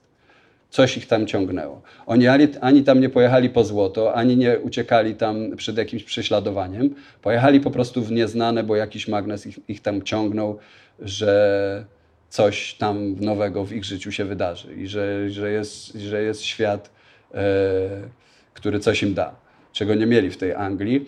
A mm, tak jak mówię, byli to, e, była to grupa ludzi majętnych, różnych zawodów, którzy po prostu zostawili wszystko i mając, e, mając świadomość ryzyka, jakie podejmują, bo to, że mm, tak dużo ludzi w czasie tych przepraw przez Atlantyk ginęło, to, było, to był znany fakt w Londynie. To, to, to nie była żadna tajemnica, więc oni e, ładują się na ten statek ze świadomością, że być może nie dopłyną, zostawiają wszystko i, i płyną do tej Ameryki. Jadą z rodzinami, prawda?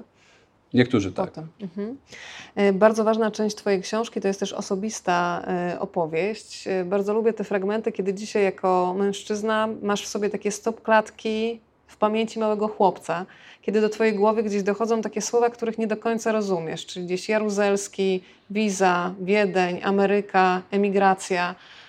E, jestem bardzo ciekawa, jak Twoją książkę czytało się Twoim bliskim. Jest dzisiaj razem z nami Twoja mama, więc możesz nam powiedzieć, jaka była reakcja, bo to jest niesamowite, w jaki sposób oddałeś te różne doświadczenia. Mówiłam Ci już kiedyś, że też Twoją książkę czytam jako opowieść o bardzo silnych kobietach. Tam jest kilka bardzo mocnych kobiecych postaci, również mama, rzecz jasna. E, więc powiedz, jakie były reakcje, bo to jest e, rodzaj jakiegoś odsłonięcia, ale myślę, że w Twoich emocjach, w Twojej opowieści, w historii Twojej rodziny bardzo wiele różnych osób znajdzie taką wspólnotę doświadczeń, kawałeczki swoich e, wspomnień. Ja sama znam mnóstwo osób jeszcze z czasów podstawówki, gdzie na przykład jedno z rodziców było w Stanach. Pamiętam jakieś takie wyczekiwanie, pamiętam rodzaj tęsknoty, o której mi opowiadali przyjaciele ci mali jeszcze z czasów takich szkolnych, ale zastanawiam się, czy miałeś też taki lęk, kiedy oddawałeś książkę, wiesz, dajesz bliskim, i, i co? Jak zareagowali? To jest taka konfrontacja wspomnień. No miałem, miałem oczywiście taki lęk, bo wynika z różnych rzeczy. Wynika z tego, że nie wiadomo do końca, a nawet można się domyślać, że niektórzy z tych bliskich woleliby, żeby pewnych rzeczy już yy, nie ruszać i o nich nie opowiadać, bo wiążą się z bardzo silnymi emocjami. E, druga sprawa, mm, bardzo trudna zawsze dla reportera i nie tylko w momencie, kiedy, nie tylko kiedy opisuje swoje własne osobiste losy, ale w ogóle kiedy materiał, który zdobędzie, wywiad, który przeprowadzi z kimś, kto na przykład przeżył coś strasznego. E, kiedy przekłada to na papier, na historię, to jest zawsze bardzo trudne, bo to jest jednak zawsze moja perspektywa. Tak? Ja usłyszałem tą opowieść, no ale ja to potem coś z nią zrobiłem, bo reportaż nigdy nie jest, y, nie wiem, y, nie, niepociętym wywiadem radiowym zaprezentowanym na antenie 1 do 1, tylko jest zawsze jednak jakąś y, projekcją moją na temat tej historii, która została mi dana przez bohatera. No więc w, przypadku, kiedy tymi bohaterami są twoi najbliżsi, to tym bardziej Y, wiąże się to z pewną obawą, z pewnym ryzykiem tego, że ta Twoja perspektywa, te fakty, które wybrałeś, a inne zdecydowałeś się pominąć, to co zostało w Twojej pamięci. E, albo... A poczekaj, poczekaj, nie będę już tego drążyć, bo wiem, że wiesz, mama niewygodnie, ale zastanawiam się, czy dawałeś do czytania książkę przed, czy dopiero rodzice sobie czytają, wiesz, bliscy po i się zastanawiam, jak to jest, czy się właśnie konfrontuje, czy, czy czy po prostu, bo myślę, że to jest bardzo ważne. Ja sama się złapałam na tym, że rozmawiam z tysiącami ludzi, a czasami bardzo trudno jest mi przeprowadzić taką głęboką, na najczystszych emocjach rozmowę z, właśnie z rodzicami, właśnie wyjść z tej mhm. roli córka, mama, tylko zapytać właśnie o mamę jako młodą kobietę, o dziewczynę, o pierwsze miłości i tak dalej. Więc zastanawiam się, czy to był ten pierwszy moment, kiedy taka bardzo ważna, emocjonalna rozmowa na, y, się toczy. Czy rozmawiałeś wcześniej, czy po prostu y, to, to zostało zapisane? Ale, w sensie nie, czy, czy, czy wcześniej, zanim się pojawiła nie. książka, mówiłeś mamie dokładnie, jaką to będzie mieć nie, formę, nie, na przykład nie. Nie, absolutnie. To znaczy, no, no e, e, rodzice wiedzieli, nad jaką książką pracuję. E, I bo, bo, prowadziłem też z nimi rozmowy, próbowałem się czegoś dowiedzieć, wypytywałem troszkę, oglądaliśmy jakieś zdjęcia, ale i wiedzieli, że, że, że ten materiał osobisty też do tej książki trafi, ale zapoznali się z nim dopiero tutaj w, w, ta, w takiej postaci. E, e, ale wracając do mm, odpowiedzi na Twoje pytanie, no to jest, jest, jest dobrze, wydaje mi się, że, że nikogo nie uraziłem. Tam jest bardzo nie... dużo czułości, wiesz, tam jest prawda, ale to jest taka czuła opowieść, która właśnie myślę, że ty opowiadasz historię z każdej ze stron i każdą perspektywę starasz się zrozumieć. To jest bardzo ujmujące. Mhm. I przy tej okazji mogę też powiedzieć, mówiłem już to yy, yy, na innych spotkaniach, że pomogła mi bardzo y, moja żona, która w przeciwieństwie do y, redaktorów, którzy czytali książkę, głównie mojego redaktora Pawła Gozińskiego w wydawnictwie, w przeciwieństwie do nich, miała ogląd tej sytuacji rodzinnej. Tak? No przez, przez to, że jest ze mną od kilkunastu dobrych lat, to, to zna tę historię lepiej, y, lepiej od kogokolwiek innego spoza rodziny. E, i mm, po, pozwoliła mi, e, pomogła mi pewne rzeczy po prostu napisać lepiej, mądrzej i właśnie niektóre rzeczy e, pominąć, które tak naprawdę nie ubogaciłyby historii jako takiej, a mogłyby niepotrzebnie kogoś zranić.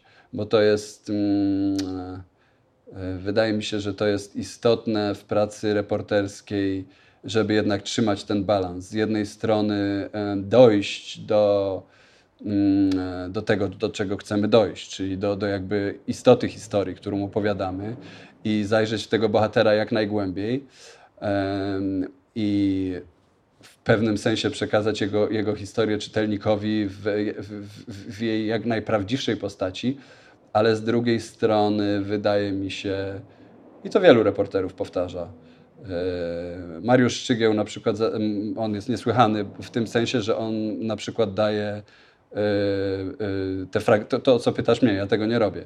Mariusz daje fragmenty dotyczące swoich bohaterów im do przeczytania przed wydaniem książki. Nie? Że, że, że kończą, kończąc myśl, istotne jest, żeby, żeby przekazując tą historię, jednak zachować umiar, zachować szacunek do, do naszych bohaterów i postarać się zrobić to tak, żeby nie przedobrzyć nie, i, i, i komuś nie zrobić krzywdy. Wydaje mi się, że są też niestety reporterzy, którzy nie zwracają na to uwagi. To prawda, to jest bardzo ważny wątek rozmowy na temat też takiego rzemiosła dziennikarskiego, czystej pracy i tego, czym się kierujemy, takimi czystymi intencjami, bo są oczywiście też oboje pewnie znamy i takich pisarzy i dziennikarzy, który, dla których liczy się tylko temat i historia i potrafią przejść jak tornado po czyimś życiu, nie, jakby nie mając w głowie tej świadomości, tak samo jak film dokumentalny, że on może kompletnie zmienić potem czyjąś e, rzeczywistość. Skoro powiedziałam o tych silnych kobietach, to w takim razie mówiłam o Twojej mamie. Jest tam bardzo ciekawa postać, ale ta historia się opiera na, na takim suspensie, że ja nie mogę się wygadać o co chodzi. Dołączam Twoją żonę, bo tutaj powiedziałaś i tutaj bardzo Ci dziękuję za te zasługi, które też e, oddałeś i piszesz o tym na końcu książki. E, powiedzmy jeszcze kilka słów o cioci Frani, bo dla mnie to jest ciekawy wątek tego, na ile to jest dla człowieka coś ułatwiającego i poszerzającego, a na ile to jest coś, co trochę go boli, czyli taka podwójna tożsamość. Ty zapytałeś ciocię, która ma dzisiaj 90, tak? Czy czuje się już Amerykanką? Wyjechała w latach, z tego co pamiętam, 60. i co ona odpowiedziała? Żachnęła się. No nie, nie, nie czuję się, nie czuję się, ale... Mm... Ale to jest rodzaj czegoś takiego, że jestem podwójny, czyli bogatszy, czy rodzaj takiego rozdwojenia, że w sumie czuję się trochę już i nie u siebie w Polsce, i jeszcze nie u siebie tam. Zastanawiam się mhm. zawsze, czy to jest coś, co poszerza, czy powoduje, że to serce jest cały czas na rozdrożu.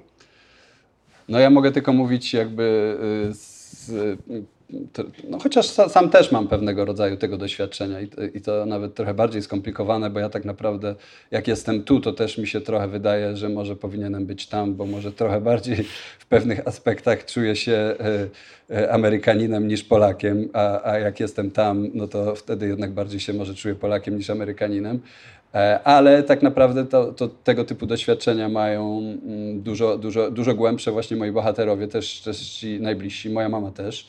E, zawsze podkreśla. I, a ciocia Frania jest takim trochę ekstremalnym przykładem tego, że w, tym, w tych pierwszych, w tym, w tych pierwszych pokole, w, pokoleniu pierwszych e, emigrantów do Stanów, e, no, bardzo powszechna jest częścią ich jakby tożsamości i, i, i jest ta tęsknota, która, której się jakby nie da, nie da zniwelować, nie da się jej wyzerować nie da się zapomnieć o tym pierwszym kraju e, do końca, tak naprawdę, czego, mm, czego ciocia Zosia, ciocia, Mary, ciocia Frania, wymieniłem, Pozdrawiamy. wymieniłem wszystkie trzy siostry mojego ojca, e, czego ciocia Frania jest przykładem, że mimo, że spędziła e, pół życia w tych Stanach, tak naprawdę, tak naprawdę nigdy do końca tam nie dojechała, a może nigdy do końca nie opuściła Polski, bo to też nie wiadomo, jak to jest do końca. I, I, wydaje mi się, że w wielu przypadkach, każdy oczywiście sobie z tym radzi inaczej, każdego losy w tych Stanach są inne, y, jakby częstotliwość kontaktów z pierwszą ojczyzną jest inna i tak dalej, i tak dalej. Ale w tych takich ekstremalnych przypadkach, i wydaje mi się, że ciocia Frania jest takim przykładem, następuje jednak takie trochę Hmm. Nie wiem, bo trochę nie chcę powiedzieć za dużo, bo trochę bym, będę mówił za nią, ale tak wyczuwam, że ona takie ma poczucie, że tak trochę jest zawieszona w jakimś takim niebycie, w sensie, że, że jest trochę nigdzie. Że albo, mm, że, że, że, że, że nie jest ani do końca tu, ani do końca tam. Że jest w jakiejś takiej przestrzeni nie, nie, nie do końca zdefiniowanej i zrozumianej nawet przez nią. Co. Yy, co na przykład widać w tym, chociażby już tak fizycznie, namacalnie, w tym jak mówi. No nie? Ona nigdy, e, przez to, że zawsze wykonywała e, pracę fizyczną przez wiele lat i miała miała bardzo ograniczony kontakt tak naprawdę z angielskim, bo córkę posyłała do polskich szkół i w domu się rozmawiało po polsku i z wnukami nawet do dziś rozmawia po polsku, to nigdy do końca się nie nauczyła dobrze angielskiego. Oczywiście rozumie go i, i, i rozmawia po angielsku, ale jej znajomość angielskiego y, jest nadal dość ograniczona po tych wszystkich latach. A z drugiej strony, po, ty, po, po tylu latach, ten polski gdzieś tam ulatuje też, nie? I, i, i, i jesteś w takim punkcie, gdzie nawet y, językowo właśnie tak zawisłeś troszkę. I wydaje mi się, że w takim, w takim trochę punkcie pomiędzy i punkcie, punkcie nigdzie. Wydaje mi się, że mm, w pewnych pokoleniach, y, bo to też zależy kiedy się wyjeżdżało, z jakich, z jakich, z jakich, y, z jakich życiorysów się tam trafiało do tych Stanów, ale że to jest dość powszechne w, w, e, w tym e, po, pierwszym pokoleniu e, emigrantów w Stanach. Mam też cytat z Baldwina który dobrze ilustruje ten temat. Baldwin twierdził, że właśnie Amerykaninem staje się dopiero ten, który w pełni zrzuci z siebie szaty mm, pierwszej ojczyzny i cały ten, cały ten bagaż związany z tym, skąd się przybyło. I wydaje mi się, że w tym pierwszym pokoleniu to nie ma takiej opcji, że, że, że, że, żeby, żeby, coś takie, żeby czegoś takiego dokonać. Dopiero te, te dzieci tych pierwszych emigrantów jakoś mogą w pełni w tą tkankę amerykańską wrosnąć faktycznie takie zawieszenie pomiędzy dwoma światami. Bardzo bym chciała, jeszcze mam dwa tematy od siebie, drodzy Państwo. Za chwilę przyjdzie czas na pytania tutaj od publiczności, na które bardzo czekam. Przy okazji mam prośbę do Muzeum Literatury, ponieważ e, tutaj zostałam odcięta jakoś od prądu w tajemniczy sposób, ale to może mój telefon. Sama ładuję się energią słoneczną i spotkaniem z Państwem, ale nie będę miała kontaktu, jeżeli chodzi o pytania z zewnątrz. Jeżeli się takie pojawią po prostu od naszych widzów, to też poproszę o przekazanie. Ja bym chciała jeszcze chwilę porozmawiać na temat e, żołnierzy. To jest bardzo bolesne, ale też taki temat, który się rzadko pojawia, bo jest niewygodny. Piszesz o tym, że na ekranie telewizora wojna była przygodą w rytmie ostrego roka i budowaniem demokracji na drugim końcu świata. I potem bolesne fakty, które trzeba przyjąć yy, i nad nimi się pochylić. Co najmniej 100 tysięcy amerykańskich żołnierzy, którzy walczyli na frontach wojny z terrorem, leczy się na PTSD, czyli ten zespół stresu pourazowego. Standardową procedurą jest przepisywanie antydepresantów. Szpitale dla weteranów są przeciążone, na stacjonarną terapię dostają się nieliczni. Wielu leczonych farmakologicznie wracało na wojnę. Prawie co piąty żołnierz w Afganistanie walczył przyjmując antydepresanty.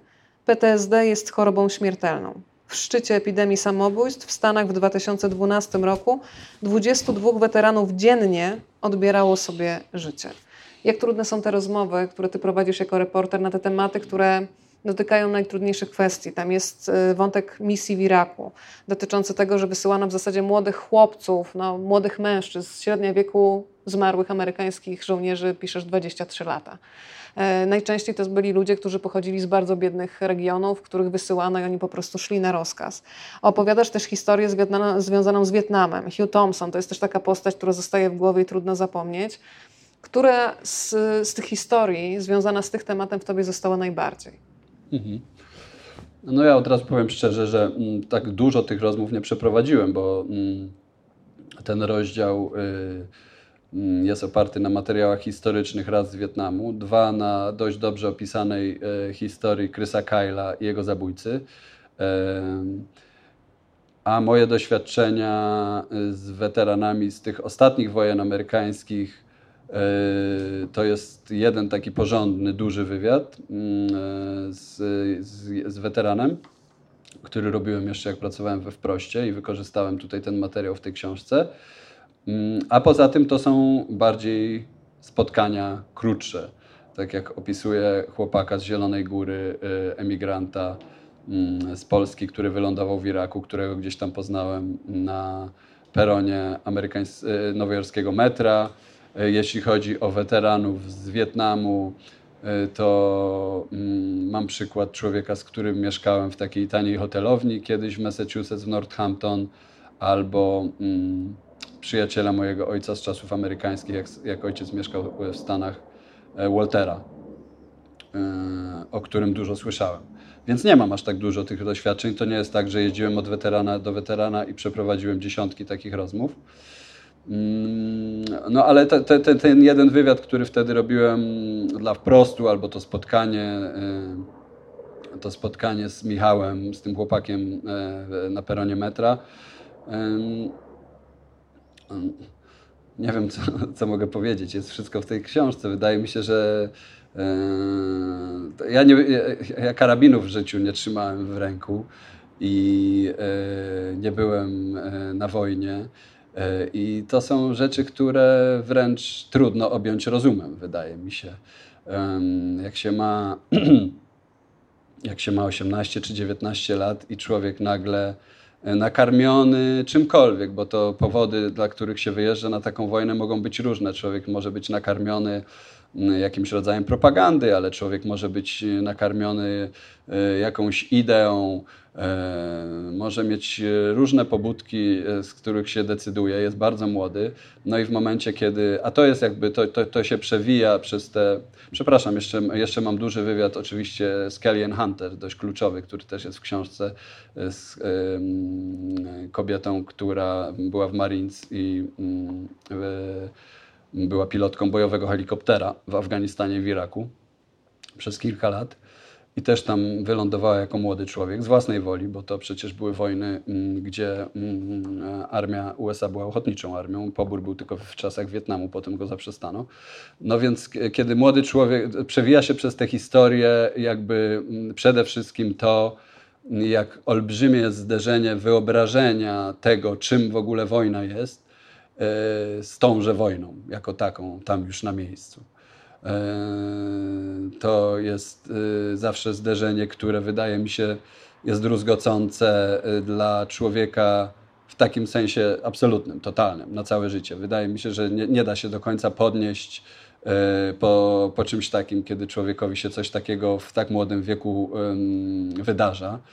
I to są nawet właśnie Kelly, Kellyanne nawet, która wy, wychodzi na prostą, wyszła na prostą i ma świetną pracę i robi doktorat i jakby działa w organizacjach jednej, drugiej, która jakby ma zwiększać świadomość, jeśli chodzi o broń e, i o wojnę jako taką. I, i, i, w pewnym sensie ułożyła sobie życie i wychodzi na prostą, to, to mm, gdzieś tam zawsze ja wyczuwałem w rozmowach z tymi ludźmi e, taki smutek gdzieś tam na, na, na, na dnie tej duszy się kołacze.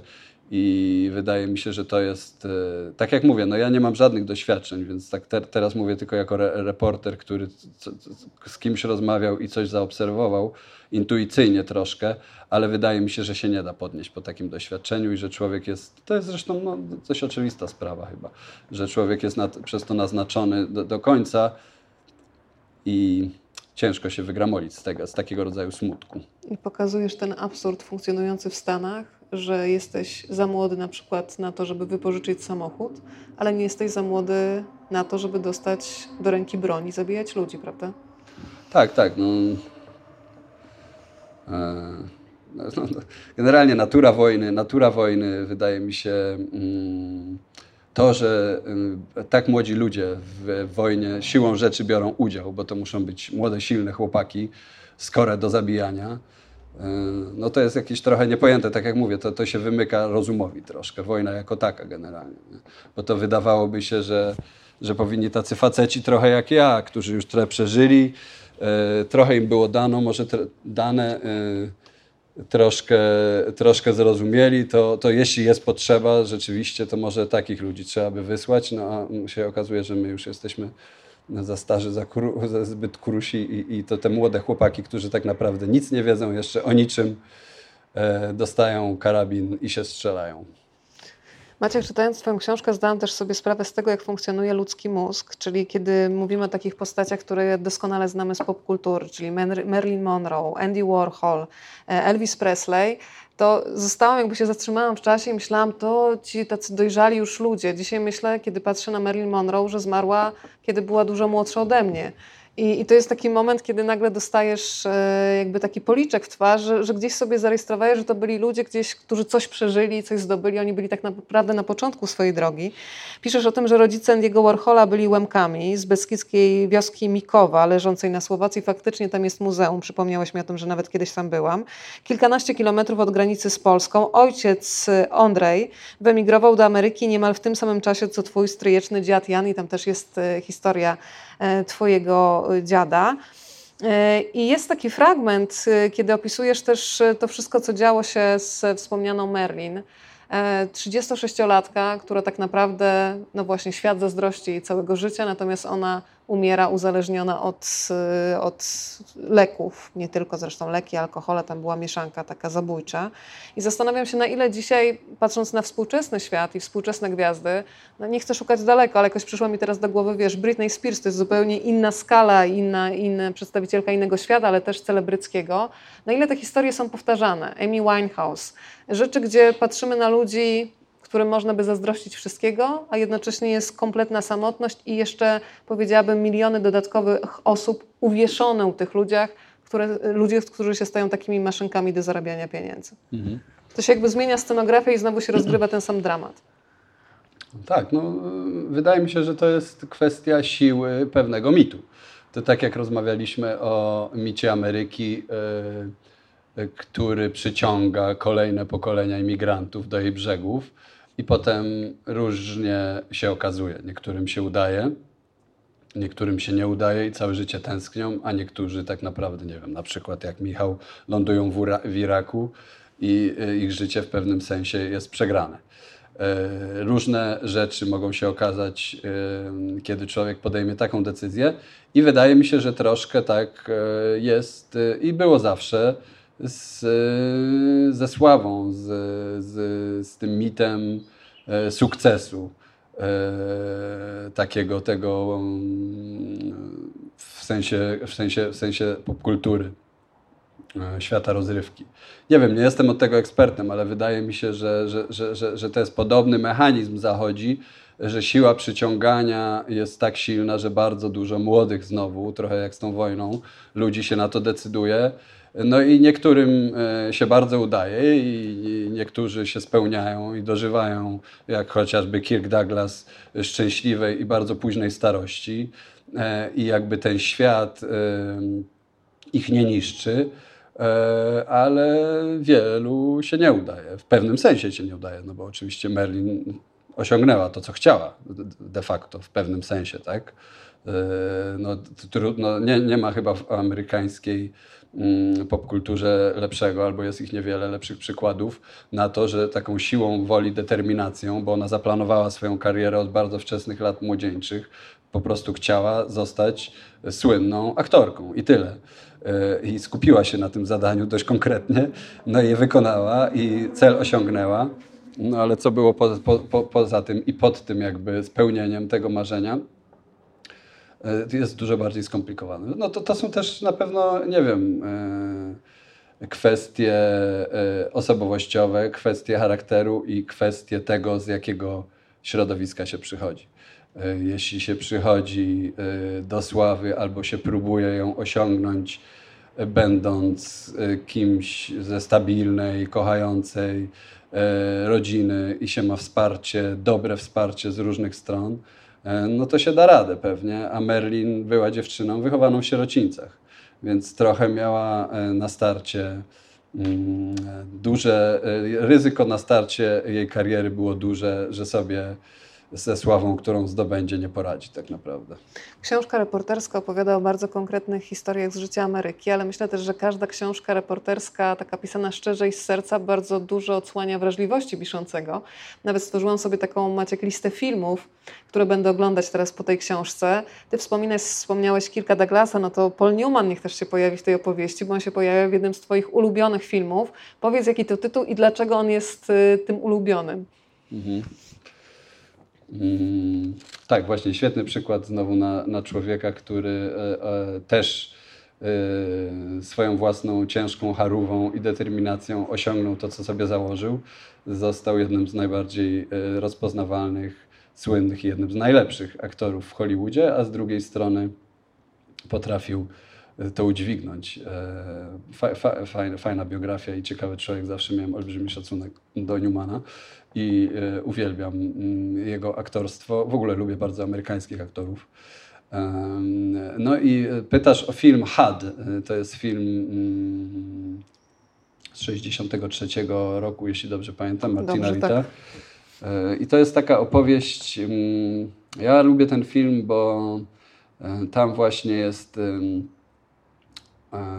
taka Ameryka E, którą kocham najbardziej, wymykająca się, wymykająca się pewnej jasnej definicji. W zasadzie jak, się, jak, się, jak, się, jak ten film, jak wy, wy, wybrzmiewa jego ostatni, e, ostatni obraz tego filmu i Newman zostaje w drzwiach tego domu sam, to w zasadzie tak do końca nie wiadomo, co zostało nam opowiedziane. Bo z jednej strony są te olbrzymie przestrzenie Teksasu, e, jest e, romantyczny mit, hodowli bydła, kowbojów, E, są olbrzymie Cadillaki, Cadillaki, e, Cadillaki e, na piaszczystych drogach zostawiające za sobą tumany kurzu. Jest bar amerykański, romantyczne, teksańskie miasteczko. Super. Wszystko, co najpiękniejsze w tych Stanach. No i z drugiej strony totalna samotność tego bohatera, zagubienie i jakaś taka skonfliktowanie jego z tą, z tą przestrzenią, w której i z tą krainą, w której, w której wzrasta i w której jakoś, jakoś musi się odnaleźć. E, piękny film. E, jeden, jeden, jeden z takich amerykańskich klasyków, który wydaje mi się nigdy się nie zestarzeje, bo to tak naprawdę jest takie troszkę szekspirowskie dzieło uniwersalne. Hat, tak? To jeżeli ktoś chciałby ciąg dalszy dotyczący wrażliwości autora sobie kontynuować w domu i poznać bardziej Maćka, to myślę, że warto zobaczyć ten film. Czas na pytanie od Państwa. E, zacznę od tych pytań, które teraz dostałam od e, naszych widzów, którzy są z nami internetowo. Pani Ania jest bardzo ciekawa, Maćku, e, czy mieszkasz w Stanach, czy w Polsce? Jak często bywasz w Polsce? To może w zasadzie zapytam, jak często bywasz, słuchaj, w Stanach, bo ja wiem, ale oczywiście Państwo nie muszą tego wiedzieć, zaraz będzie to upublicznione. Czy dostrzegasz rzeczywistości, w naszej obecnej rzeczywistości jakieś jasne strony? Pani Ania pisze, wiem z wywiadów, że jeżeli chodzi o Amerykę, to pan wierzy w Amerykę. E, no i teraz pytanie, czy patrzysz optymistycznie na to, co dzieje się w Polsce, czy wierzysz w Polskę? Bardzo jestem ciekawa, co powiesz. Trudny zestaw pytań, ale łatwe zadania są dla mnie zdolnych, musisz sprostać. Mieszkam w Polsce. E, przyjechałem rowerem na to spotkanie. Zajęło mi to jakieś 7 minut pewnie, więc blisko. E, tak, mieszkamy e, całą rodziną w Warszawie. Od, e, nie pochodzę z Warszawy, ale jestem, pochodzę z Leszna w Wielkopolsce, ale już od kilkunastu chyba teraz już będzie lat jestem w Warszawie z, z małą przerwą. Mm, w Stanach miałem okresy, gdzie najdłużej na, tak, tak na raz byłem w Nowym Jorku przez niecałe trzy lata. Były okresy krótsze też. Y, powroty w te i we w te z Polski do Stanów i z powrotem. I miałem też mm, takie momenty, kiedy rzeczywiście stałem przed decyzją, czy zacząć wypełniać pliki papierów i może postarać się e, o zieloną kartę, e, która była w moim e, przypadku, zanim osiągnąłem pełnoletność, formalnością, bo moją mamę w Stanach więc sta stawałem w życiu przed taką decyzją, czy tu, czy tam i z powodów, nad którymi się też troszkę zastanawiam w tej książce, jednak zostałem tu. Już tu pewnie zostanę, chociaż nigdy w życiu nic nie wiadomo. E, w Stanach no, staram się bywać jak, jak najczęściej, ale to różnie bywa, czas pędzi. Teraz e, w ostatnim czasie trochę pandemia pokrzyżowała niektóre plany. E, myślałem, że będę w 2020 roku w związku z jakąś pracą nad następnym projektem albo, albo jakimś reportażem. Chciałem lecieć na przykład do Stanów w styczniu, jak był ten szturm na Kapitol, trochę zostać i poprzyglądać się temu, co się dzieje tam z bliska. Nie udało się też wjechać ze względu na pandemię. No więc przy, przy, przymierzamy się i rodzinnie, i służbowo-reportersko E, do, do jakiegoś wyjazdu e, w najbliższych miesiącach. A z tą mm. wiarą w Polskę i w Amerykę? A, wiara w, w, w, hmm.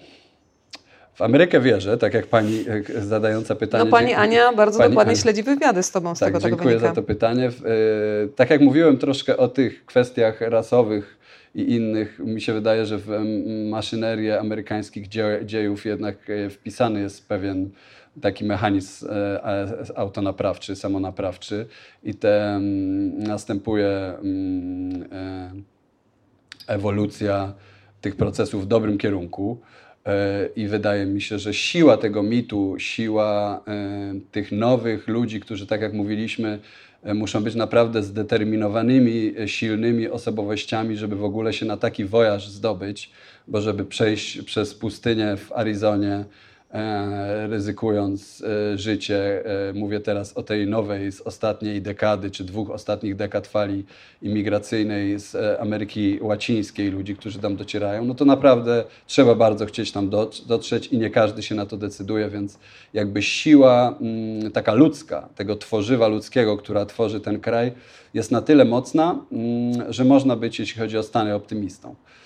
A z Arenami sytuacja jest troszkę bardziej skomplikowana. No ja, ja generalnie y, jestem optymistą życiowym jako takim, więc nie chciałbym tutaj teraz y, jakichś y, czarnych wizji, jeśli chodzi o przyszłość Polski, rozwijać. E, z drugiej strony jestem na takim trochę e, etapie życia e, faceta po 40, który, który na pewne rzeczy zaczyna patrzeć inaczej, pewne entuzjazmy dotyczące również własnej ojczyzny i własnego miejsca na ziemi się wyczerpują, pewne nowe wątpliwości się pojawiają. Wiemy, jaką mamy teraz sytuację społeczno-polityczną, więc rzeczywiście jest pewien taki mentalny dołek jeśli chodzi o to, mm, o to, jak jest. Mamy bardzo dużo lekcji e, do odrobienia jako społeczeństwo, ale będę jednak, e, wydaje mi się, zmierzał ku, ku optymistycznej puencie. E, wydaje mi się, że mm, natura wojen, natura jakby mm, zmian kulturowych jest taka, że lewa strona te wojny zawsze wygrywa siłą rzeczy, bo po prostu e, z, z, z, wychodząc z punktu widzenia darwinizmu, taka po prostu jest natura zmian kulturowych, że one następują. A jeśli uda nam się e, dokonać kilku kluczowych e, zmian kulturowych w tym społeczeństwie, to damy radę. Bo ja lubię Polaków i, i, i lubię ten kraj. Wydaje mi się, że to jest kraj o olbrzymim potencjale. E, i można tutaj naprawdę e, zrobić coś fajnego. Tylko niestety musimy e, pewne rzeczy przewalczyć. I pytanie jest, dwa zasadnicze pytania są takie. Jak długo to potrwa? To jest pierwsze pytanie. A drugie, jaki będzie koszt? Jak, jak bardzo jeszcze wpadniemy, w jak głęboki dołek wpadniemy i, i co znajdziemy na dole tego dołka, jak gorący konflikt, żeby potem z niego wyleść. Czy ktoś jeszcze zapuka od spodu w tym dole? Słuchaj, zawsze no się właśnie. zastanawiam. Ale zostawiamy tematy, chociaż Pani Bożena, zawsze mnie zastanawia, jaką wiedzę i wyobrażenie o współczesnej Polsce mają osoby, które od 30-40 lat mieszkają w Stanach i czy powinny mieć prawo do decydowania o naszym życiu tutaj na miejscu poprzez uczestnictwo w wyborach. Bardzo jestem ciekawa, co powiesz. Czyli w skrócie, czy Polonia powinna mieć prawo tak, głosu? I, tak, ale to pytanie, ta pierwsza część pytania też istotna. Yy, jaką wiedzę według Ciebie, oczywiście będziemy w pewien sposób generalizować i wyobrażenie o tym, co dzieje się we współczesnej Polsce, jak ta sytuacja wygląda, mają osoby, które od 40 lat na przykład mieszkają w Stanach. Na ile ta rzeczywistość jest im faktycznie bliska? No to, to, to, to trzeba by pytać chociażby mojej mamy i ludzi, którzy rzeczywiście siedzą w tych Stanach na stałe od wielu, wielu lat trudno mi odpowiedzieć na to pytanie. Wydaje mi się, że to też zależy, zależy od, e, od środowiska, e, w jakim się żyje w tych, na tejże imigracji, czy dokładnie w Stanach. Polacy mieszkają i żyją w bardzo różnych środowiskach w Stanach, ale jeśli spojrzymy na tą taką Polonię z tej takiej szuflady, E, chicagowską, nazwijmy ją w skrócie, mm, no to wydaje mi się, że takim dominującym, dominującym, dominującą e, emocją e, wśród tych Polaków jest jednak takie romantyczne i bardzo wyidealizowane podejście do Polski i siłą rzeczy, siłą rzeczy bardzo konserwatywne, tak? No bo taka jest natura jakby tej emigracji, że się wyjeżdża i się tęskni, no a tęskni się za tym, z czego się wyjechało, a jak się wyjechało 40 czy 50 lat temu, jak moja ciocia Frania, no to się tęskni za tym światem dawnym. Mhm. Czyli wszelkie zmiany, które zachodzą, również te kulturowe, o których tutaj e, nie nazywając ich do końca napomykam, są czymś obcym i czymś, czego by się nie chciało tak naprawdę. Więc e, z natury rzeczy ta Polonia jest konserwatywna. Czy ona powinna mieć y, prawo do głosu? Ja uważam, że no, to, to, jest, to jest kwestia y, dość, dość, dość prosta. No, jak ktoś ma polski paszport, jeśli ktoś ma polskie obywatelstwo, no to powinien móc głosować. To jakby nie ulega wątpliwości dla mnie. Zaraz Maćka oddamy w Państwa ręce, tak żeby mógł podpisywać książki. To jest między innymi ta część spotkań autorskich, którą pandemia nam e, na bardzo długi czas ograniczyła, więc cieszę się, że dzisiaj będą Państwo mogli mieć pamiątkę tego spotkania w książce. Ale jeszcze obiecałam pytania tutaj od publiczności, która jest zgromadzona w ogrodzie Władysława Broniewskiego, więc jeżeli Państwo mają ochotę, to bardzo proszę zamienić ciekawość w pytanie. Ktoś rozpocznie? Zawsze musi być ta pierwsza osoba. Jest. Piotrze, na ciebie zawsze można liczyć. Stały bywalec spotkań, więc już się znamy po imieniu. E, Takie banalne pytanie. Czy podróżując Pan po Stanach, spotka Pan też jednego szczęśliwego człowieka? Czy może jednak w Stanach bardziej jak gdzie indziej e, szczęście polega na posiadaniu znów o szczęściu? Ja tylko powiem na głos, żeby słyszeli wszyscy, którzy są z nami w transmisji. E, Piotr pytał o to, czy podróżując po Stanach spotkałeś chociaż jednego szczęśliwego e, człowieka, czy bardziej to było jakieś wyobrażenie o szczęściu niezrealizowane. Tak rozumiem, Piotrze? Czy, czy w Stanach bardziej jak nigdzie indziej Czy w Stanach bardziej niż nigdzie indziej? szczęście polega na posiadaniu znów o szczęściu? Szczęście polega na posiadaniu snu o szczęściu, czyli cały czas coś mamy w głowie, ale dążymy, biegniemy za tym króliczkiem, który ucieka, tak? Nie, nie, nie wydaje mi się, że tak jest. E, Spotkałem szczęśliwych ludzi. Wydaje mi się, że Amerykanie. e, A od- kim byli ci szczęśliwcy? Co robili w życiu? Od razu muszę Różne wiedzieć. rzeczy, różne rzeczy, różne rzeczy. Można, ja na przykład y, y, jedną z pierwszych prac, jeśli w ogóle nie pierwszych, jaką wykonywałem w Stanach w wieku lat 16, to byłem takim trochę pomocnikiem ekipy y, naprawczej na osiedlu, na którym mieszkała moja mama. I to była taka ekipa ludzi, którzy jak trzeba było coś naprawić, to naprawiali, zlew, zmywarkę, remontowali też mieszkania przed kolejnym wynajmem i tak dalej. i Maciej tak dalej. Złota Rączka Jarkowiec. Nie, nie, ja, ja generalnie trochę się obijałem, bo miałem 16 lat, ale, ale, ale coś tam, y, zbierałem śmieci po osiedlu i, tego typu rzeczy, ale y, zmierzam do tego, że y, szefem moim był tam y, niejaki Mike, do k- którego później y, kilkukrotnie udało mi się już w dorosłym życiu odwiedzić w tymże Baltimore, bo to się działo w Baltimorze na tym samym osiedlu.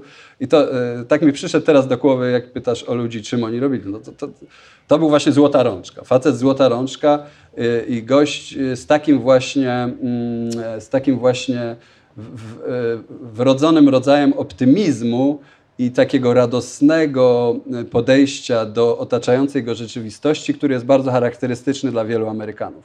I to, i to Amerykanów różnego, różnych zawodów i różnych klas.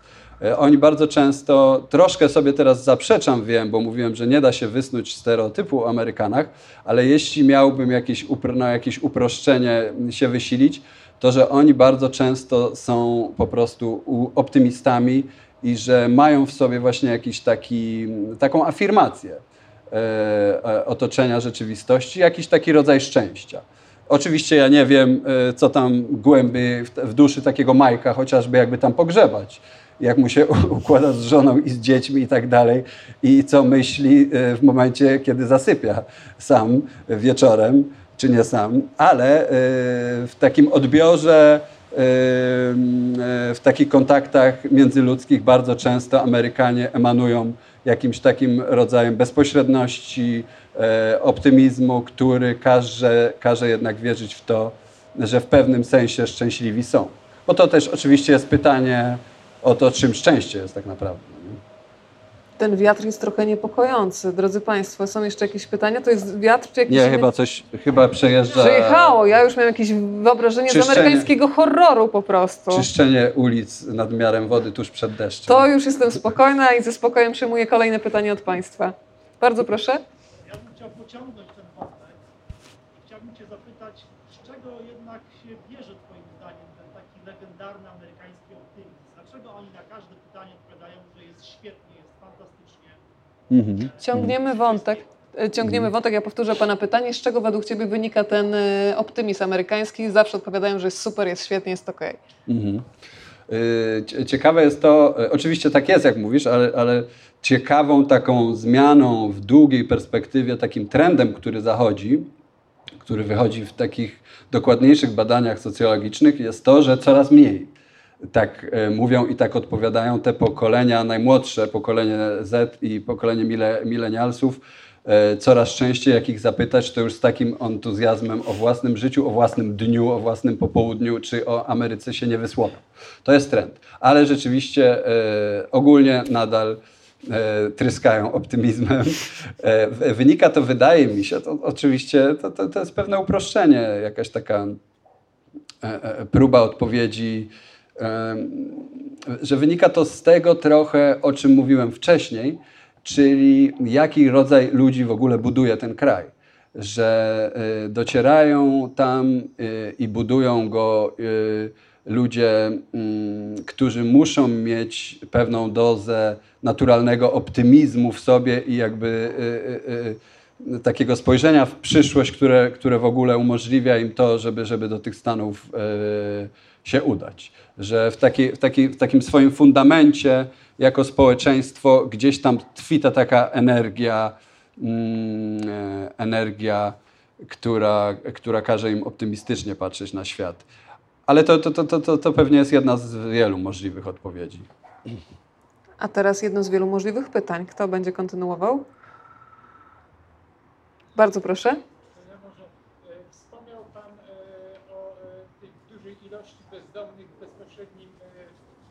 Otoczeniu czegoś, co emanuje z kolei dużym bogactwem.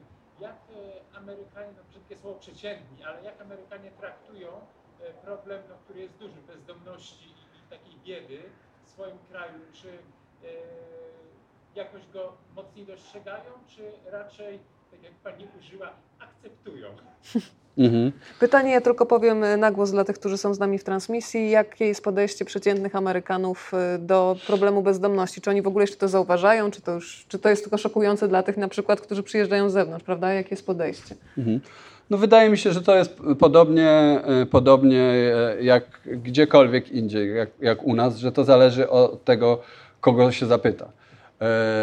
Jest na pewno sentyment w sporej części społeczeństwa tego typu, że e, bezdomni na ulicach to są nieudacznicy, lenie, e, którym się w życiu nie powiodło z ich własnej winy. I na pewno, jakby pan spytał, e, dajmy na to 10 Amerykanów o bezdomność w Stanach, to strzelam, ale przynajmniej z 3-4, a może i 5 takich odpowiedzi pan by usłyszał. No ale potem usłyszałby pan też kilka odpowiedzi, które by, by brzmiały całkiem inaczej i, i, i ludzie, ludzie mają też inne spojrzenie na ten problem. Wydaje mi się, że jest duża jednak świadomość też tego, że bezdomność, która w Stanach e, na tle innych państw e, wysoko rozwiniętych jest olbrzymim problemem, jest dużo wyższa statystycznie rzecz ujmując, e, że jest duża świadomość tego, że ona wynika z jakichś systemowych problemów, które toczą to społeczeństwo i tą gospodarkę. Że te nierówności, które w Stanach znowu wyższe są niż w większości krajów Zachodu, nie biorą się z jakiegoś przypadku, tylko z tego, jak jest skonstruowany system gospodarczy, e, jak silna jest pozycja e, e, koncernów, jak silna jest pozycja różnych grup lobbystycznych, jak mało jest redystrybucji, jak trudno, jak trudno jest przeforsować w kongresie reformy, które by zwiększały tą redystrybucję i które by jakby uruchamiały procesy likwidujące albo przynajmniej zmniejszające nierówności. Więc świadomość tego też jest. E, ale, ale problem pozostaje i on, on jest szokujący. Moja mama mieszka w Waszyngtonie, no i to, to, to, to, to też jest zdumiewające. Oczywiście w Warszawie e, mamy też ten problem i są bezdomni i na pewno nie jest ich mało, bo nawet jak jest jeden, to już jest za dużo. Ale, no ale to jest w ogóle nie ma porównania. W Waszyngtonie bezdomnych widać wszędzie na każdym kroku i mieszkają Mm, w, w namiotach, e, nieraz e, przy, przy najbardziej reprezentacyjnych częściach miasta, w Dolinie Krzemowej tak samo. E, więc no to, jest, to jest jedna z tych historii amerykańskich, która trwa i z którą to społeczeństwo jakoś sobie nie radzi od lat. Ja pamiętam takie zdanie, kiedyś ktoś powiedział, mówiąc o Ameryce, że czasami jest tak, że od bezdomności dzielicie brak jednej wypłaty albo dwóch. Że jesteś, a nagle cię nie ma, tracisz pracę i, i to jest coś, co faktycznie może dotknąć każdego. Czy ktoś jeszcze z Państwa miałby ochotę? To chyba zakończyliśmy rundę pytań, teraz czas na rundę autografów. E, Maciek, e, na finał powiedz, kiedy Kolejna książka, e, czy to, co powiedziałeś, że pandemia Ci, słucham uważnie, zatrzymała trochę planów, ale czy już jest temat, nad którym pracujesz, albo porzuciłeś ten, który Ci przyniosł ograniczenia, życie powiedziało stop i zanurzyłeś się w coś innego? Pytam o przyjemność czytelniczą, bo ja już mhm. po Jarkowca sięgam w ciemno. Miło mi, dzięki. Tak, tak, no z, zabieram się powoli teraz y, czas wakacyjny temu nie sprzyja, ale mm, jest kolejny projekt, który robimy w tej samej e, ekipie, że tak powiem, w wydawnictwie Agora z, z, z ludźmi, którzy, z którymi mi się tam dobrze współpracuje. Y, Więc y, robię kolejną książkę, mm, trzecią książkę amerykańską, która w zamyśle ma być dopięciem. Nie powiem dokładnie o czym, ale w zam, zamyśle ma być takim domknięciem tego cyklu. Trylogia po prostu. Trylogia. Drodzy Państwo, pięknie dziękuję za to spotkanie. Powiem jeszcze tak, że bardzo cenię książkę Maćka między innymi za to, że ona jest osadzona w Ameryce. Otwiera głowę na milion spraw, o których nie miałam pojęcia, ale to też jest taka książka bardzo uniwersalna. Czyli opowiada o Ameryce, ale mówi o bardzo rzeczach takich uniwersalnych. Między innymi o tych marzeniach, o zdarzeniu marzeń z rzeczywistością, o tym, że są takie marzenia i tęsknoty, które nas napędzają, a jednocześnie potrafią unieszczęśliwiać i za tę uniwersalność też Maciek z całego serca Ci dziękuję, bo każdy tam Dziękuję, jakieś dziękuję. fragmenty swoich tęsknot, marzeń, ale też rozterek e, odnajdzie. Rewolwer obok Biblii, w co wierzy Ameryka. Oddajemy w Państwa ręce książkę. Pięknie dziękuję za to spotkanie i zapraszam na kolejne spotkania do Ogrodu Broniewskiego. Dobranoc i dziękuję bardzo. Dzięki.